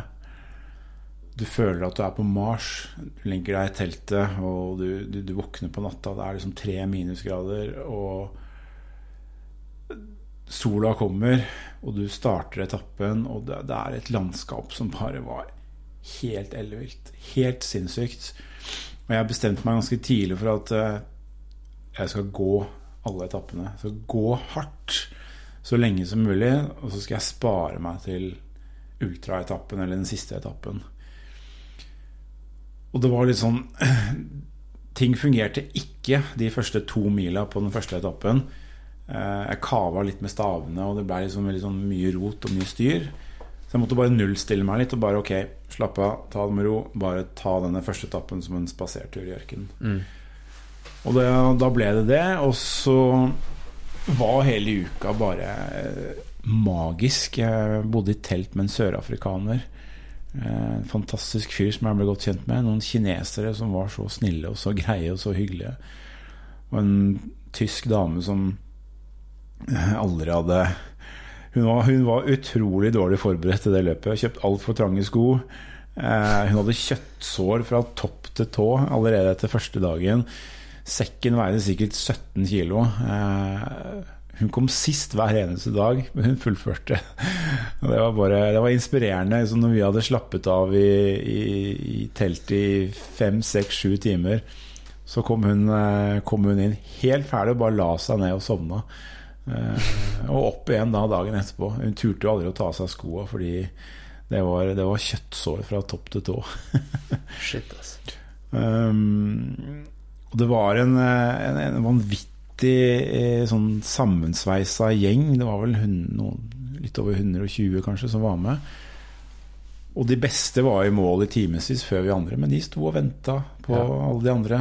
De får hvilt, hvilt mer også. De får hvilt vilt mye mer òg, ikke sant. Og ble, jeg ble kjent med, med, med alle slags mulige folk. Og det, det var eh, utrolig spennende, spennende dager. Og jeg husker veldig godt når vi kom til etappe fire. Eh, altså dag fire. Det var jo da jeg måtte bryte eh, på, i Sahara Race. Og checkpoint to under etappe fire. Og jeg kom dit, og da bare visste jeg at dæven, nå har jeg kommet lenger enn jeg gjorde sist. Mm. Eh, og brøt sammen fullstendig i, i tårer. Og måtte gå bak checkpointen for å gråte, fordi jeg var så Det var liksom glede over at jeg hadde klart å komme lenger enn sist, og at det nå Bare jeg kom meg til mål nå, så er jeg home free. For da er det bare ultradistansen igjen. En hviledag og en kort etappe. Da visste jeg at det kommer jeg meg gjennom etappe fire. Da ville jeg fullføre det faenskapet her. Ja, for hva, hva det racet besto av? Det besto av det? seks etapper av 250 km. Ja. Så ca. en maraton i snitt hver dag. ja. Eh, så har du en langdag som, er, som var rundt 75-80 km. Mm. Så har du en hviledag, og så en siste etappe som er sånn 8-10 km. Um, og det var jo varmt. Det var jo 40-45 varmegrader. Um, men litt annen luftfuktighet, så du, du var litt sånn småkjølig på Du, du merka det ikke så veldig, da. Okay. Um, Så det var ekstremt viktig å få i seg nok drikke, væske, næring underveis. Mm.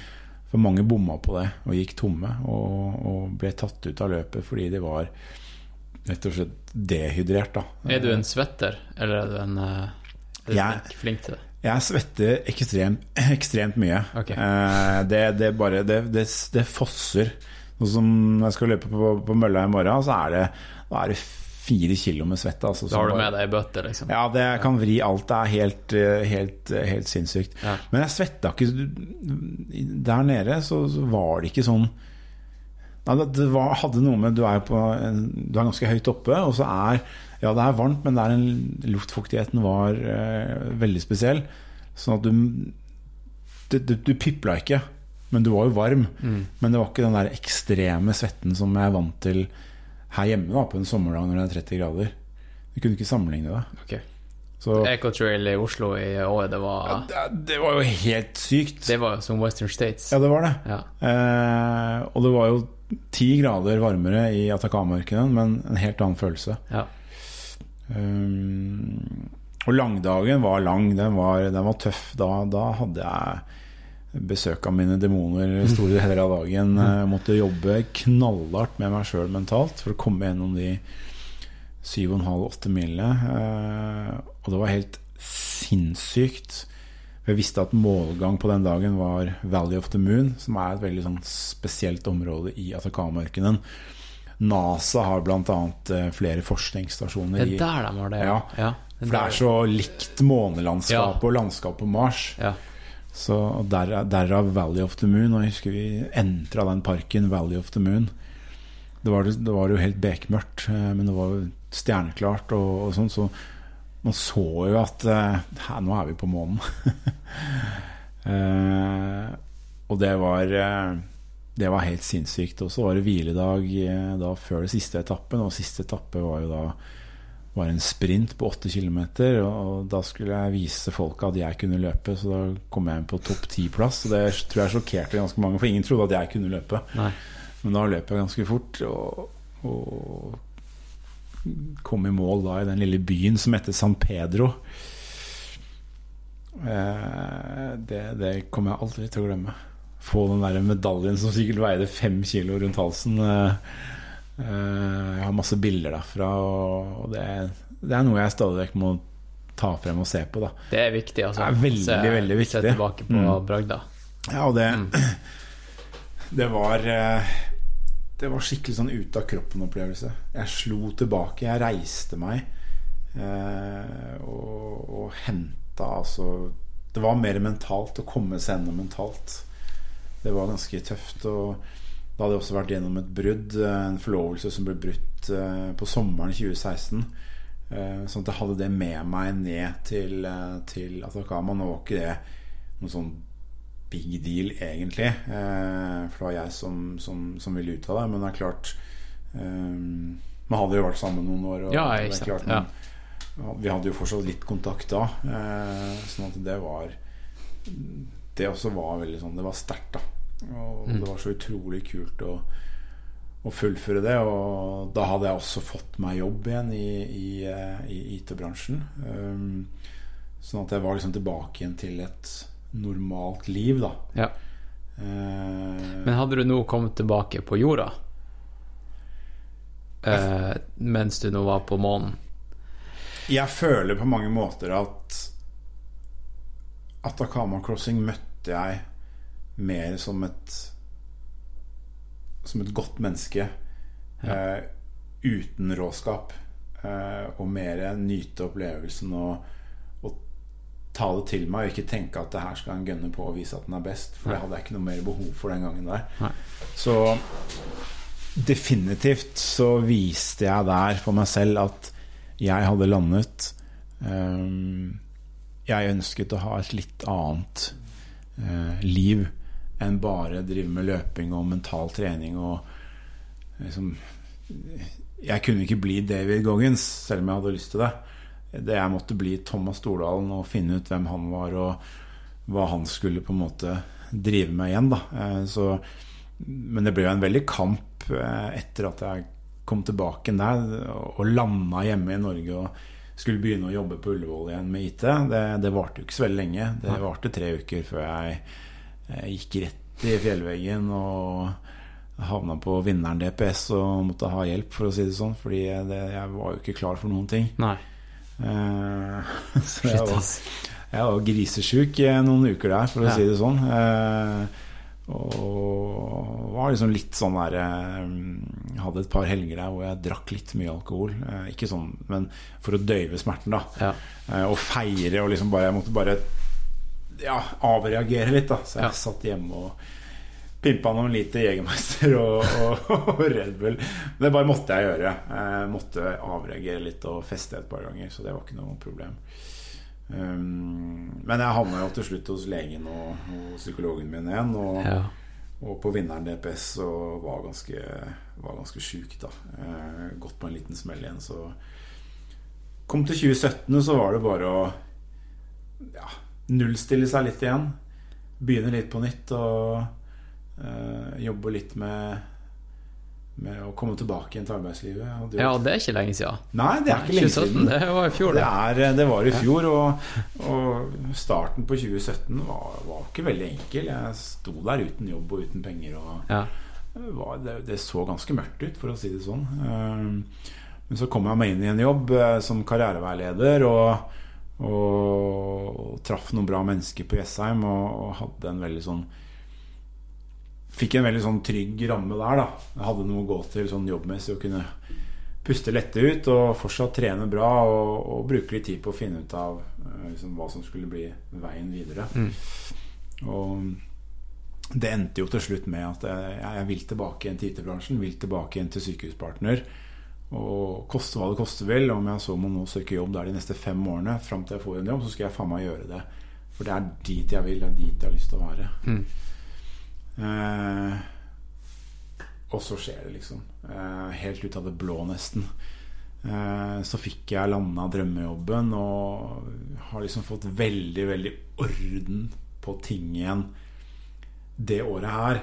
Jeg jobba meg frem til hva som er mine kjerneverdier, som er trygghet, stabilitet og forutsigbarhet, og de rokker jeg ikke ved. De kommer til å være med meg resten av livet, både når det gjelder jobb og når det gjelder privat. Jeg har fått på plass grunnmuren min på nytt. Altså Jeg har finpussa grunnmuren min. Gått gjennom en sånn liten minireise eh, for å liksom komme meg inn på et rett spor igjen. Og det, det er, det er ekst, ekstremt stolt av meg selv for å ha klart det. Eh, helt på egen hånd, uten noe særlig hjelp av andre. Ja. De her grunnpilarene du snakker om, Mm. eh, som du ikke rocker med, hvordan minner du deg på dem i hverdagen? Vet du, hver eneste dag jeg står opp eh, Ta gjerne mikken litt nærmere. Ja. Hver eneste dag når jeg står opp og setter mine to føtter ned på soveromsgulvet Ja. og reiser meg opp og går inn på toalettet Jeg er så takknemlig. Jeg ser meg selv i speilet og bare Takk for at jeg har fått livet i gave, og at jeg skal gjøre mitt beste i dag for meg selv, for mine kolleger og mine venner. Eh, ha en veldig sånn positiv innstilling. Jeg må jo le litt av meg selv innimellom, men er, jeg er opptatt av litt sånn selve, da. Eh, uten at det er veldig sentrert inni meg. Jeg er også veldig sånn opptatt av at folk rundt meg skal ha det bra. Jeg er et medmenneske og elsker å gi tilbake. Eh, samtidig som jeg på en måte har mitt lille rom hvor det må være litt rått og litt sånn eh, ufiltrert og, og, og rebelsk, da. Mm. Um, og det føles innmari godt. Altså, jeg er glad for hver dag jeg har, da. Uh, og ønsker å gjøre så godt jeg kan på alle arenaer hver dag. Det er ikke alltid det går like bra, men, men stort sett så, så føler jeg at jeg at jeg klarer det. Eh, for jeg har det riktige mindsettet. Og det er Mind is everything, altså. Det, på mange områder så spiller det så utrolig stor rolle. Det har så mye påvirkning. Den tankens kraft, hva du tenker. Visualisering, å se for deg ting og kjenne etter. Eh, Jeg skulle ønske flere folk kunne tørre å kjenne etter. Ikke være så redd for følelser. Det er farlig å kjenne etter. Det er livsfarlig å Ja. kjenne etter. Det er farlig å se innover. Mm, det, er det, det, er, det er ekstremt farlig. Ja. Og jeg kan ikke kontrollere andres handlinger og ikke-handlinger eller andres tanker, men jeg skulle ønske at flere Skulle ønske du kunne det. Ja, ja jeg syns jeg kunne det noen ganger. Eh, Nei, men du skulle ønske ja, altså, det, at folk skulle på en måte se seg litt oftere i speilet, da. Ja. Uh, det er sånn Hvis ikke du liker jobben din, så slutt. Hater du sjefen din, så slutt. Da Finn deg en annen jobb. Mm. Hvis du føler at du er i dårlig form, eller at du føler at du er tjukk, så, så gjør noe med det. ja, og si det til deg sjøl. Si Du er i dårlig form. Du Ja. må trene. Du må det. Det er eneste måten å bli ja, bra form på. det er det. Og Ja. ikke liksom syns synd på deg sjøl. Jeg har nok opplevd noen ganger at uh, opp gjennom åra at folk har syntes veldig synd på meg, og da har jeg syntes veldig synd på meg selv. Ja, jeg er jo et offer, hallo. Men så møtte jeg et menneske som, som vekka meg veldig her for, for et par år siden. Og, um, og da lærte jeg etter hvert at nei, fader, jeg er jo ikke noe offer, jeg. Jeg er ikke noe offer. Jeg har ikke lyst til å være noe offer. Jeg har levd på den der offerrollen i alle år, og det gidder jeg ikke. Det, det, det slutta jeg med. Og når jeg slutta med det Dæven, så, så mye kulere livet blei da. Eh, så, så jeg er ikke noe offer. Jeg syns ikke synd på meg sjøl. Og derfor så er jeg veldig sånn når jeg ser folk syter og klager over ting inni meg, så blir jeg litt sånn Ja, ja. Jeg har lyst til å si noe, men så velger jeg å holde kjeft.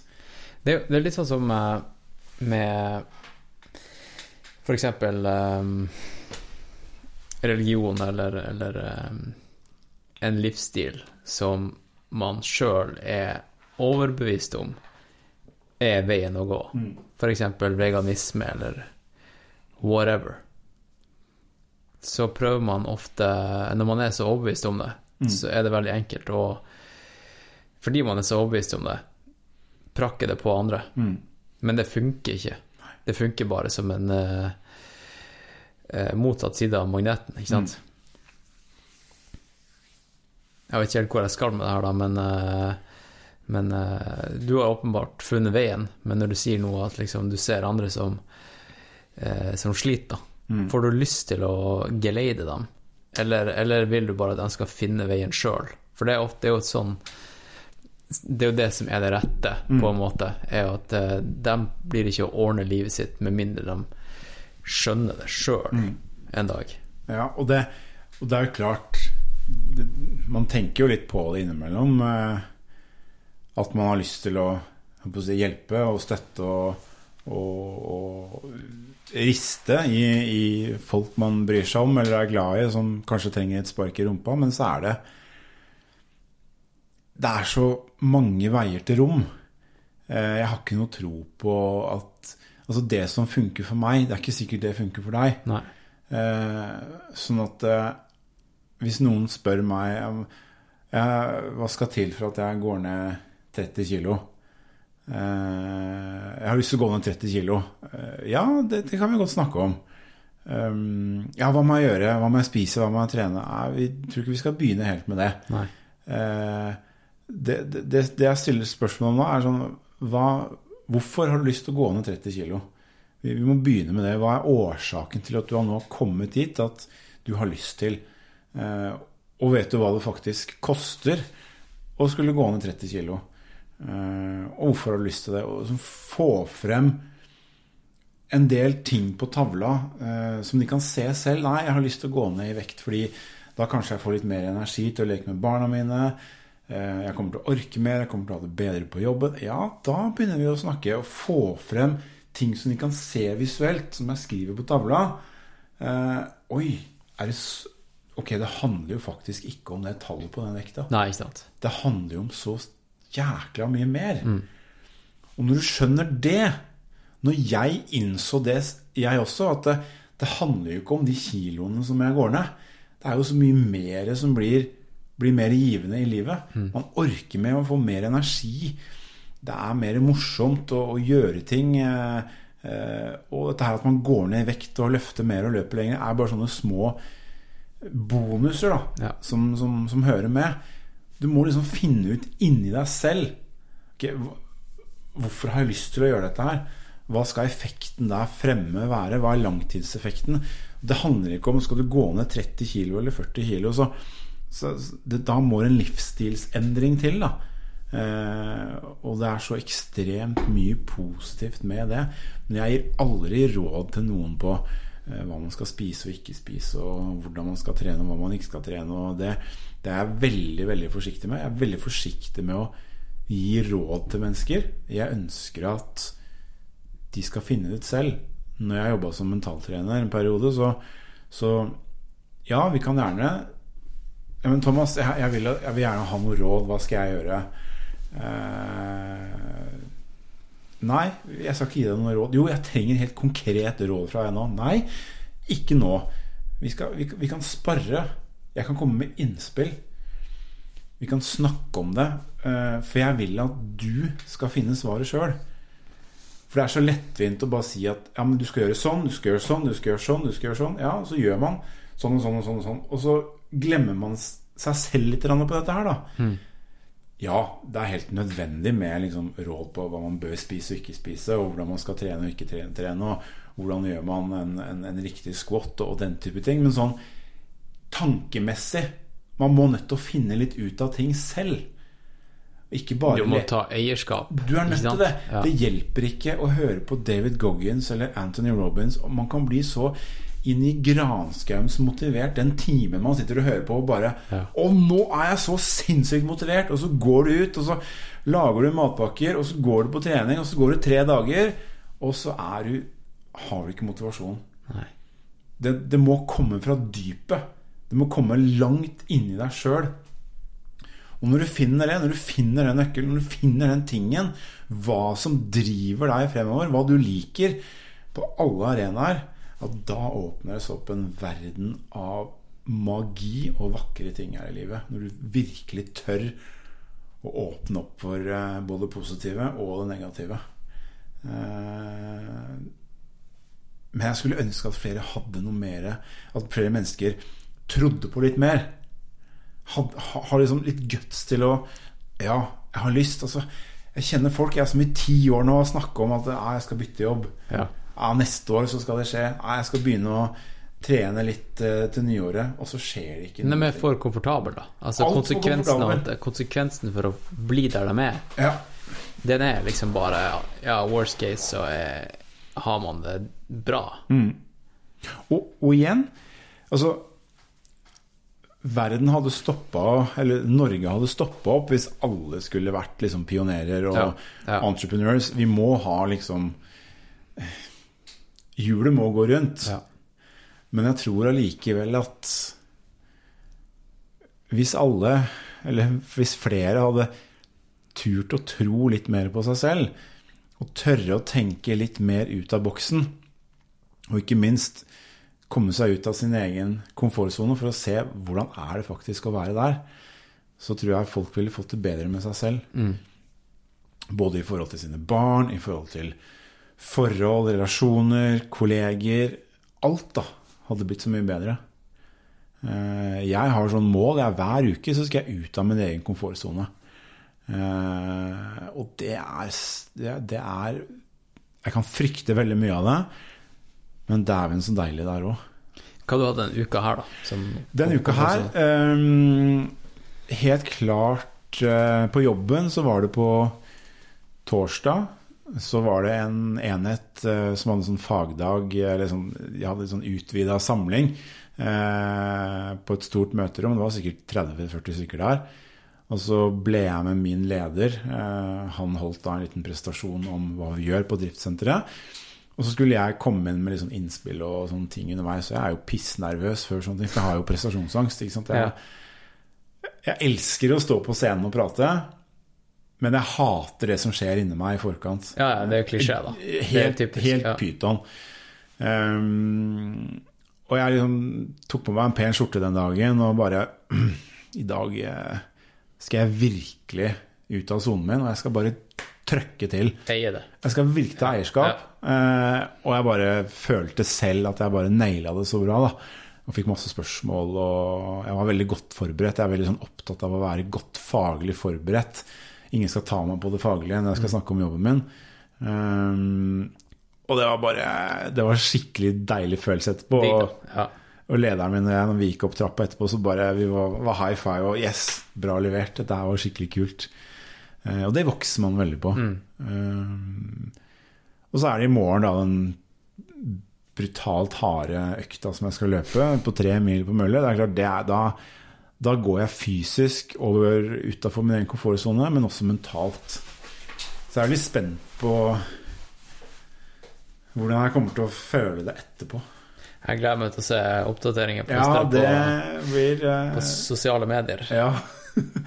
Det er liksom Har du ikke Har du ikke logg... Nei, har Nå må du følge opp her. Det jeg må nødt til å leve opp. Nå har jeg lagt press på meg sjøl. Jeg liksom prøver å slutte litt med å ikke si så mye om sånne ting utad. Men, eh, men innimellom så må jeg, for da legger jeg på en måte litt sånn ekstra Da legger man litt mer i det, da. Ja. Sondre han sier jo alltid til meg Thomas, ikke legg ut på noen sosiale medier. Ikke si nå at du skal eh, gjøre det og det. Nei, nei, jeg skal ikke det. Men innimellom så må jeg gjøre det. For det Ja, ja. meg litt. Ja, ja. Du må finne en balansegang. da. Ja. Jeg har også lagt ut litt uh, for mye i forkant av et eh, race, f.eks. Mm. Uh, jeg, jeg, jeg vil jo Alle vil jo ha så mye søvn som mulig natta før. Ja. Og jeg har funnet ut at eh, det å poste noe dagen før om at i morgen så smeller det, skal ut og løpe VM eller whatever, ikke sant? Så vet du at det koker jo der. Det, det, det smeller. ja. Lykke til, det her blir gøy å følge med på. Ikke sant? Det er det klassiske. Ja.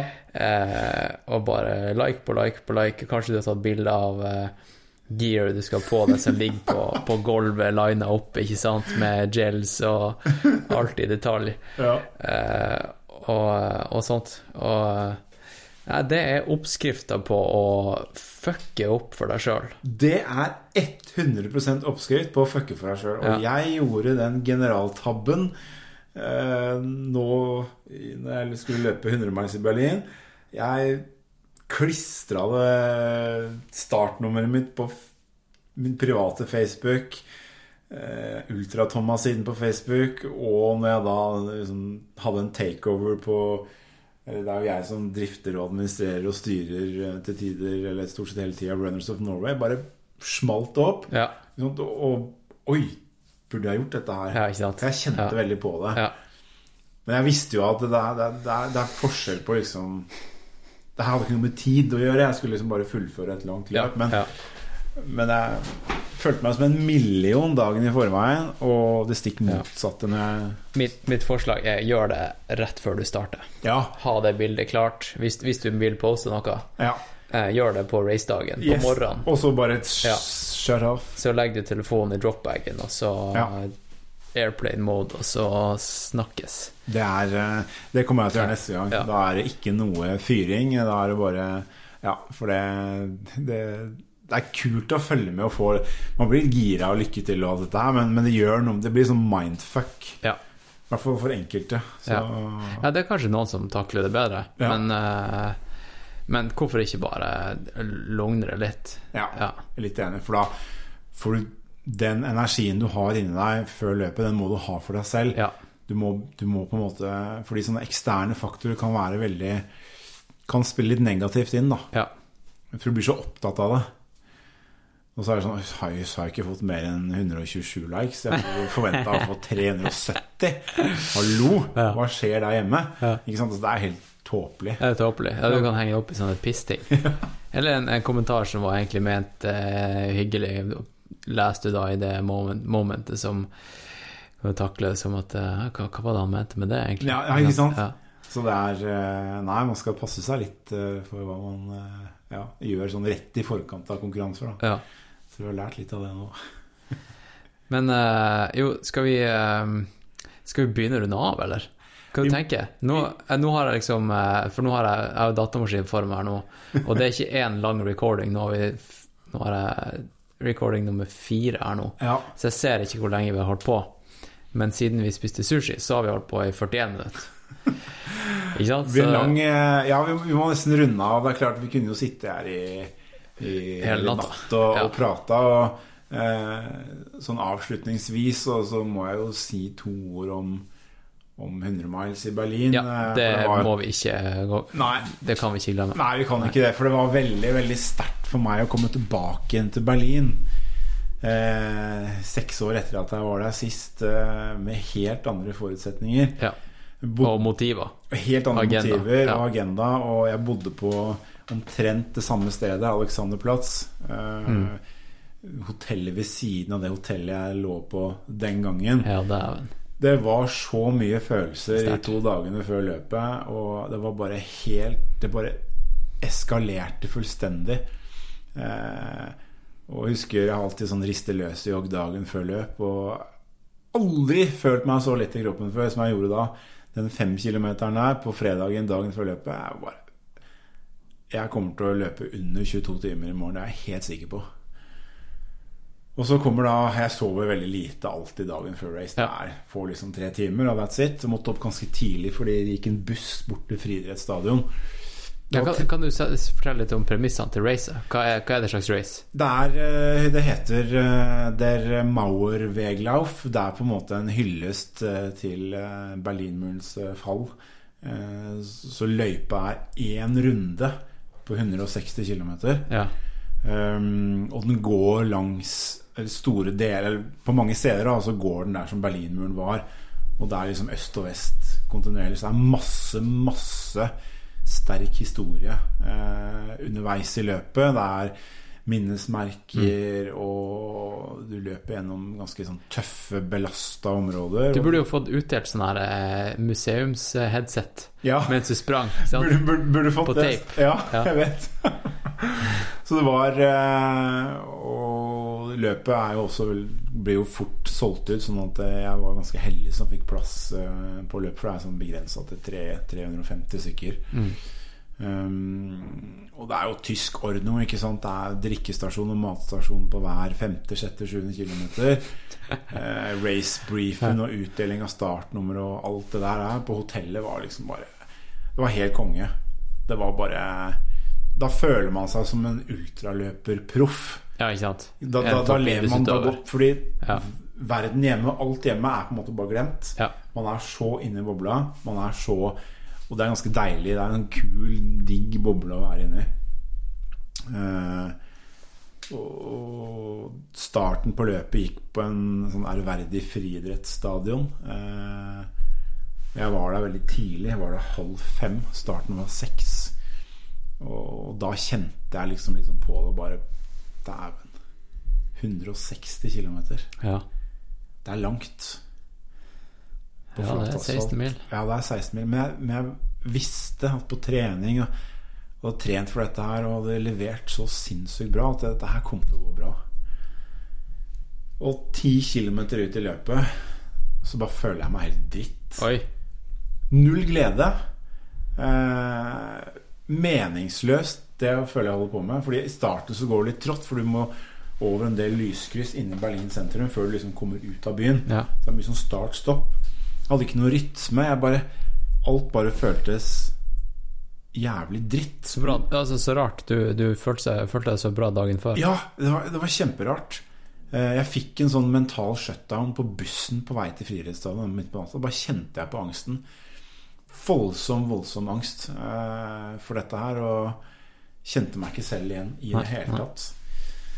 Eh, 10 km, 20 km, 25 km, så sier jeg til en norsk eh, bekjent som heter Christian Shout-out til Christian Jare fra Holmestrand ultraløperklubb. Shout-out til Christian. Yes, Jeg bare sier til han Jeg har ikke dagen. Jeg er svimmel, jeg er kvalm. Beina bærer meg ikke. Det funker ikke. Jeg bare bryter, jeg nå. Jeg gidder ikke dette her. Ja. Det er meningsløst. Jeg kommer aldri til å komme til mål. Men så klarer man å liksom karre seg fremover. da Komme seg liksom litt og litt frem. Men, men det, det, det går jo bare dritt. Og så går jeg så sinnssykt på trynet etter, etter fire mil. Eh, Altså bokstavelig talt. Talt, Du ja. tryner. Snubler. Ja. Skal gi en sånn liten kid high five eh, på sida, og glemmer at det plutselig ligger en sånn trebjelke midt i veien der. Og, Ja. og slår meg helseløs fra topp til tå. Men sant, jeg merker jo ingenting, Fordi da var jeg inne i en sånn running flow. Plutselig så løsna det litt. ja, det var 120 km igjen. Ja. Er bare 120 km igjen. Eh, Men så bare måtte jeg begynne å gå igjen. Og kroppen fungerte ikke. Nei. Det fungerte ikke mentalt, og det fungerte ikke fysisk. Og seriøst, jeg gikk 13 mil. Jeg løp av de siste 13 mila, så løp jeg kanskje 4-5 kilometer til sammen.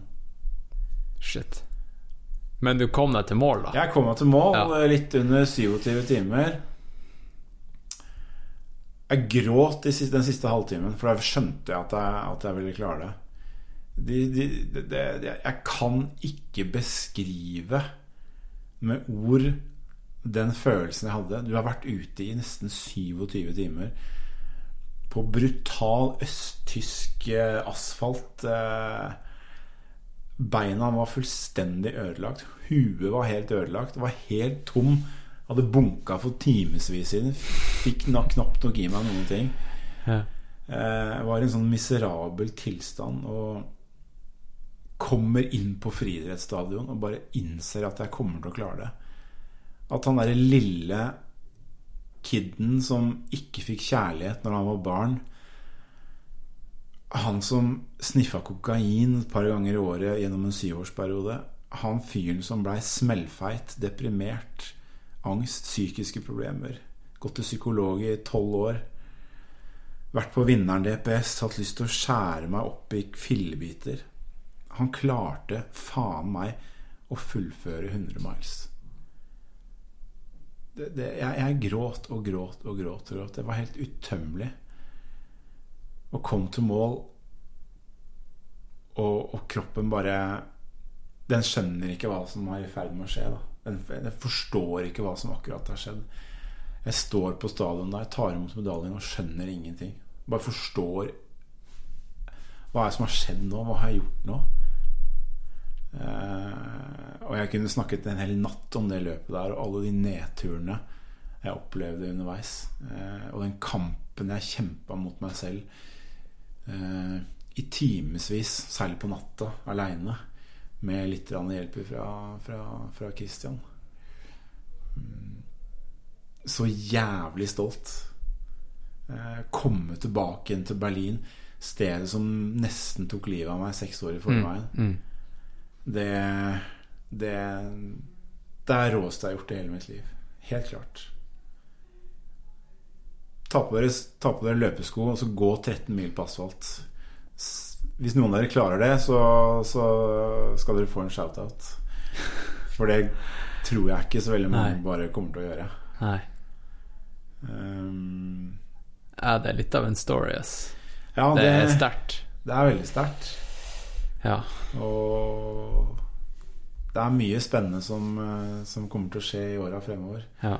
Um, det er liksom ultraløping. Jeg er blitt er Min passion er min lidenskap ved siden av jobb og ved siden av musikk. Og, uh, og jeg, jeg, jeg har Det er noen store løp og store ting jeg har lyst til å gjøre. Kun for meg selv, Mm. ikke for noen andre. Mm. Men ja, om jeg har lyst til å begynne å blogge litt igjen og dele mer av livet mitt og løping og den type ting, det kan godt hende, men, eh, men jeg skal gjøre det aleine. Jeg skal ikke være ambassadør for noen. Jeg skal ikke være Nei, det er ikke for eh, noen Nei, andre det er, eh, aktører. Det. For meg nå så er det helt uinteressant å være, å være noe sponsorobjekt. Det, det kommer ikke til å skje. Eh, hvis liksom noen hadde spurt om noe samarbeid nå, noen sportsbutikker, så hadde jeg sagt nei til det. For det, det, det ønsker jeg ikke. Nei. Jeg vil gjøre dette her for meg selv. Og eh, de neste fem årene så har jeg en del ting på bucketlisten som, som jeg har lyst til å gjøre. Og en av de er å prøve å bli Prøve å fullføre et terrengultra neste sommer, som jeg har fått plass uh, Det har du nevnt til meg. Eiger Ultra Trail. Ja. Uh, Du nevnte et annet også. det, var snakk, det er så snakk om Javelina Jundred Ja. i oktober Ja. i Arizona, USA. 100 miles. Ganske flat 100 miles, som kan passe meg veldig bra. Eh, men så er det sånn at det er NM 24-timers på Bislett neste år òg. ja. Så det blir en litt sånn der avveining hva Jeg må se hva som passer inn i forhold til jobben. Jeg jobber turnus, så det må på en måte passe litt inn i forhold til det også. Men, eh, men nå er det Bislett 50 km i, i februar, og så er det Eiger Ultra Trail i juli. Og det er på en måte de to løpene jeg har så langt. Det kan godt være at det blir de to eneste løpene jeg gjør også neste år. Hvem vet? Eh, og så skal jeg gjøre noen sånne eventyr på egen hånd. Mm. Um, enten i marka eller ja, om jeg bare tar toget til Halden, og så løper jeg fra Halden til Oslo, eller altså, trenger ikke å være startnummer på alt. Nei. Um, og så frister det, det, ja, det, det er kult. Ja. Jeg, jeg liker sånne ting. Ja, jeg, jeg også syns det er Ja. kult å bare sånn Nei, nå Sånn som jeg gjorde her eh, i oktober i fjor, eller var det november Bare på Jessheim Nei, i morgen så skal jeg løpe fra Jessheim til Holmenkollen. Ja. Og gjorde det. Det Ja. er 55 km. Ja. Hadde Det gikk så lett. Det gikk så sinnssykt lett. Bare gjøre litt sånn, sånne ting, da. Um, men jeg elsker å trene, og jeg syns det er kjempegøy å trene og se fremgang på trening. Og så håper jeg at jeg kan få ut noe av det i noen konkurranser. Uh, det hadde vært kult. Mm. Det er vanskelig da å få det til å klaffe. Ja, kjempevanskelig, og det vet jo du alt om. Ja, ja. Det er- Du kan være i så god form som overhodet, men det skal stemme på den dagen du løper med startnummer òg. Mentalt også. Mentalt også, Mest. ikke minst. Ja, ja. Eh, Så går en, eh, det er en veldig kul tid i vente nå. Nå skal jeg trene mye fremover og legge grunnlaget for en, eh, for en bra sesong. Så skal jeg nok få brutt noen barrierer også til neste år. Mm. Definitivt. Faen, så rått. Denne episoden, ass. Det her er legendarisk. Eh, så åpen, eh, så lenge, så dypt eh, har jeg ikke gått før. Med, Verken med noen jeg kjenner og noen jeg ikke kjenner. Det er, det, det er spennende konsept der. Mm. Fordi nå, nå har vi Nå, nå har du åpna deg opp eh, for meg, Mm. men også for, for andre. Det blir veldig spennende å se responsen Mm. om folk eh, syns dette her er Ja. Eh, om folk liker det, da. Ja. Hva, hva, hva du eh, Du, folk elsker det her. Altså, Det tror jeg nok. Folk setter pris på, på åpne, åpne Ja. folk, for det, det er sjelden kost, Ja. rett og slett. Um, det snakka vi litt om mens vi spiste sushi også, off Mm. mic. Men det, er- det er lite land, ikke sant? Ja, Det, det er, Norge er såpass lite at hele landet er jo, har jo et bygdedyr. Mm. Og når noen åpner seg opp eller gjør noe, stikker seg litt fram, så blir det Eller det er vanskelig, da, Mm. fordi det er såpass lite. ja. Det er det. Eh, hva, hva du tenker om, eh, om respons? Hva, hva du kan tenke deg Vil du at folk skal gi, komme til deg hvis de eh, er skriver til deg, eller eh, Det, jeg syns liksom eh, hvis, feedback? hvis vi kan eh, Jeg vil jo at vi skal nå ut til så mange som mulig. Mm. Og hvis folk liksom syns dette her er gøy og spennende, så, så, så ta kontakt. Skriv ja. på, på, på podkasten til Nå er det alvor, enten på Facebook eller Instagram eller Facebook, og la det skje.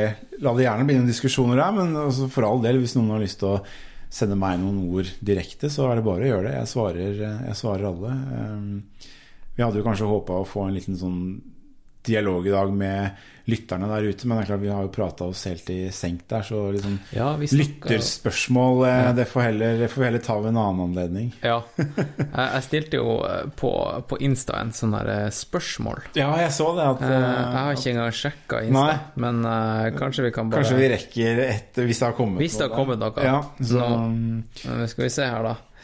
Noe Dalvor har jo uh, Ja, vi har en Insta-konto, men eh, jeg tror vi lar de spørsmåla vente til en annen gang. Det kan vi heller ta en annen Ja. gang.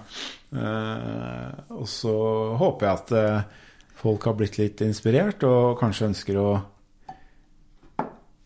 se seg selv i speilet og ta en liten runde med seg sjøl. Nå er vi på slutten av året. Der går inn i en tid som for mange er fylt med, med glede og, og familietid og alt dette her. For meg så er denne tiden av året den tyngste av alle månedene.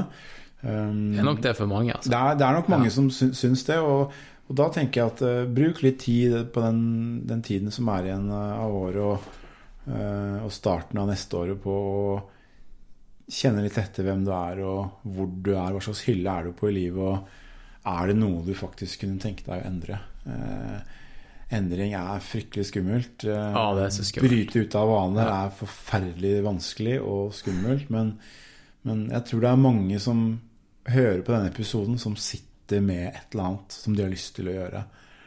Eh, og igjen, det handler ikke om motivasjon, det handler om noe helt annet. Det handler om viljestyrke, og det handler om at du som individ må finne noe du tror på. For da blir livet ganske ganske mye mer annerledes enn det å bare gå på en rett strek, da. Noen syns det er veldig spennende, og all honnør til de, men, men, for min del så har livet blitt veldig mye mer gøy etter at jeg turte å satse litt mer. Ja. Og gå mer etter hva som driver meg her i livet, da. Jeg har fått til mer enn de aller fleste.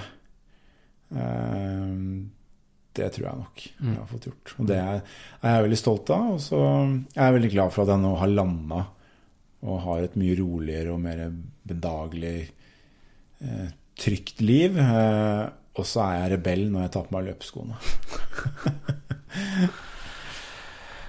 ja. Skal vi si det sånn? Vi sier det sånn. Tusen, tusen takk for at jeg fikk lov å komme til Studio Disen. Eh, det har vært en fantastisk kveld som har gitt meg veldig veldig mye. Jeg er veldig spent på hvordan jeg kommer til å ha det de neste par dagene. Ja. Jeg har tømt meg helt nå, Ja. føler jeg. ja. Det er bare å si fra hvis det er noe du eh, vil at jeg skal ta bort, eller eh, sånn så ta det bort. Skal ikke eksponere deg. Her er det bare å kjøre rått. Eh, Her er det ingen begrensninger. Alt skal ut. Ja. Ok. Da trykker jeg 'upload' nå. Ja, gjør det, det. det er for seint. da, da, sier jeg, da sier jeg rett og slett bare over og ut, Roger og Knut. Og Takk så for um, eh, Og så vil jeg si til lytter nå at eh, hvis du hører på nå, så er jeg imponert. Fordi jeg mistenker at vi er fire timer ute i seansen. Men eh, uansett, da. Eh, godt eh, nyttår, lytter. Godt nyttår eh, Ja. til alle lytterne av Nå er det alvor. Ja, takk for at du har vært med det året her. Det har vært rått. Det har det. Ha det bra. Ha det bra. Ha det bra.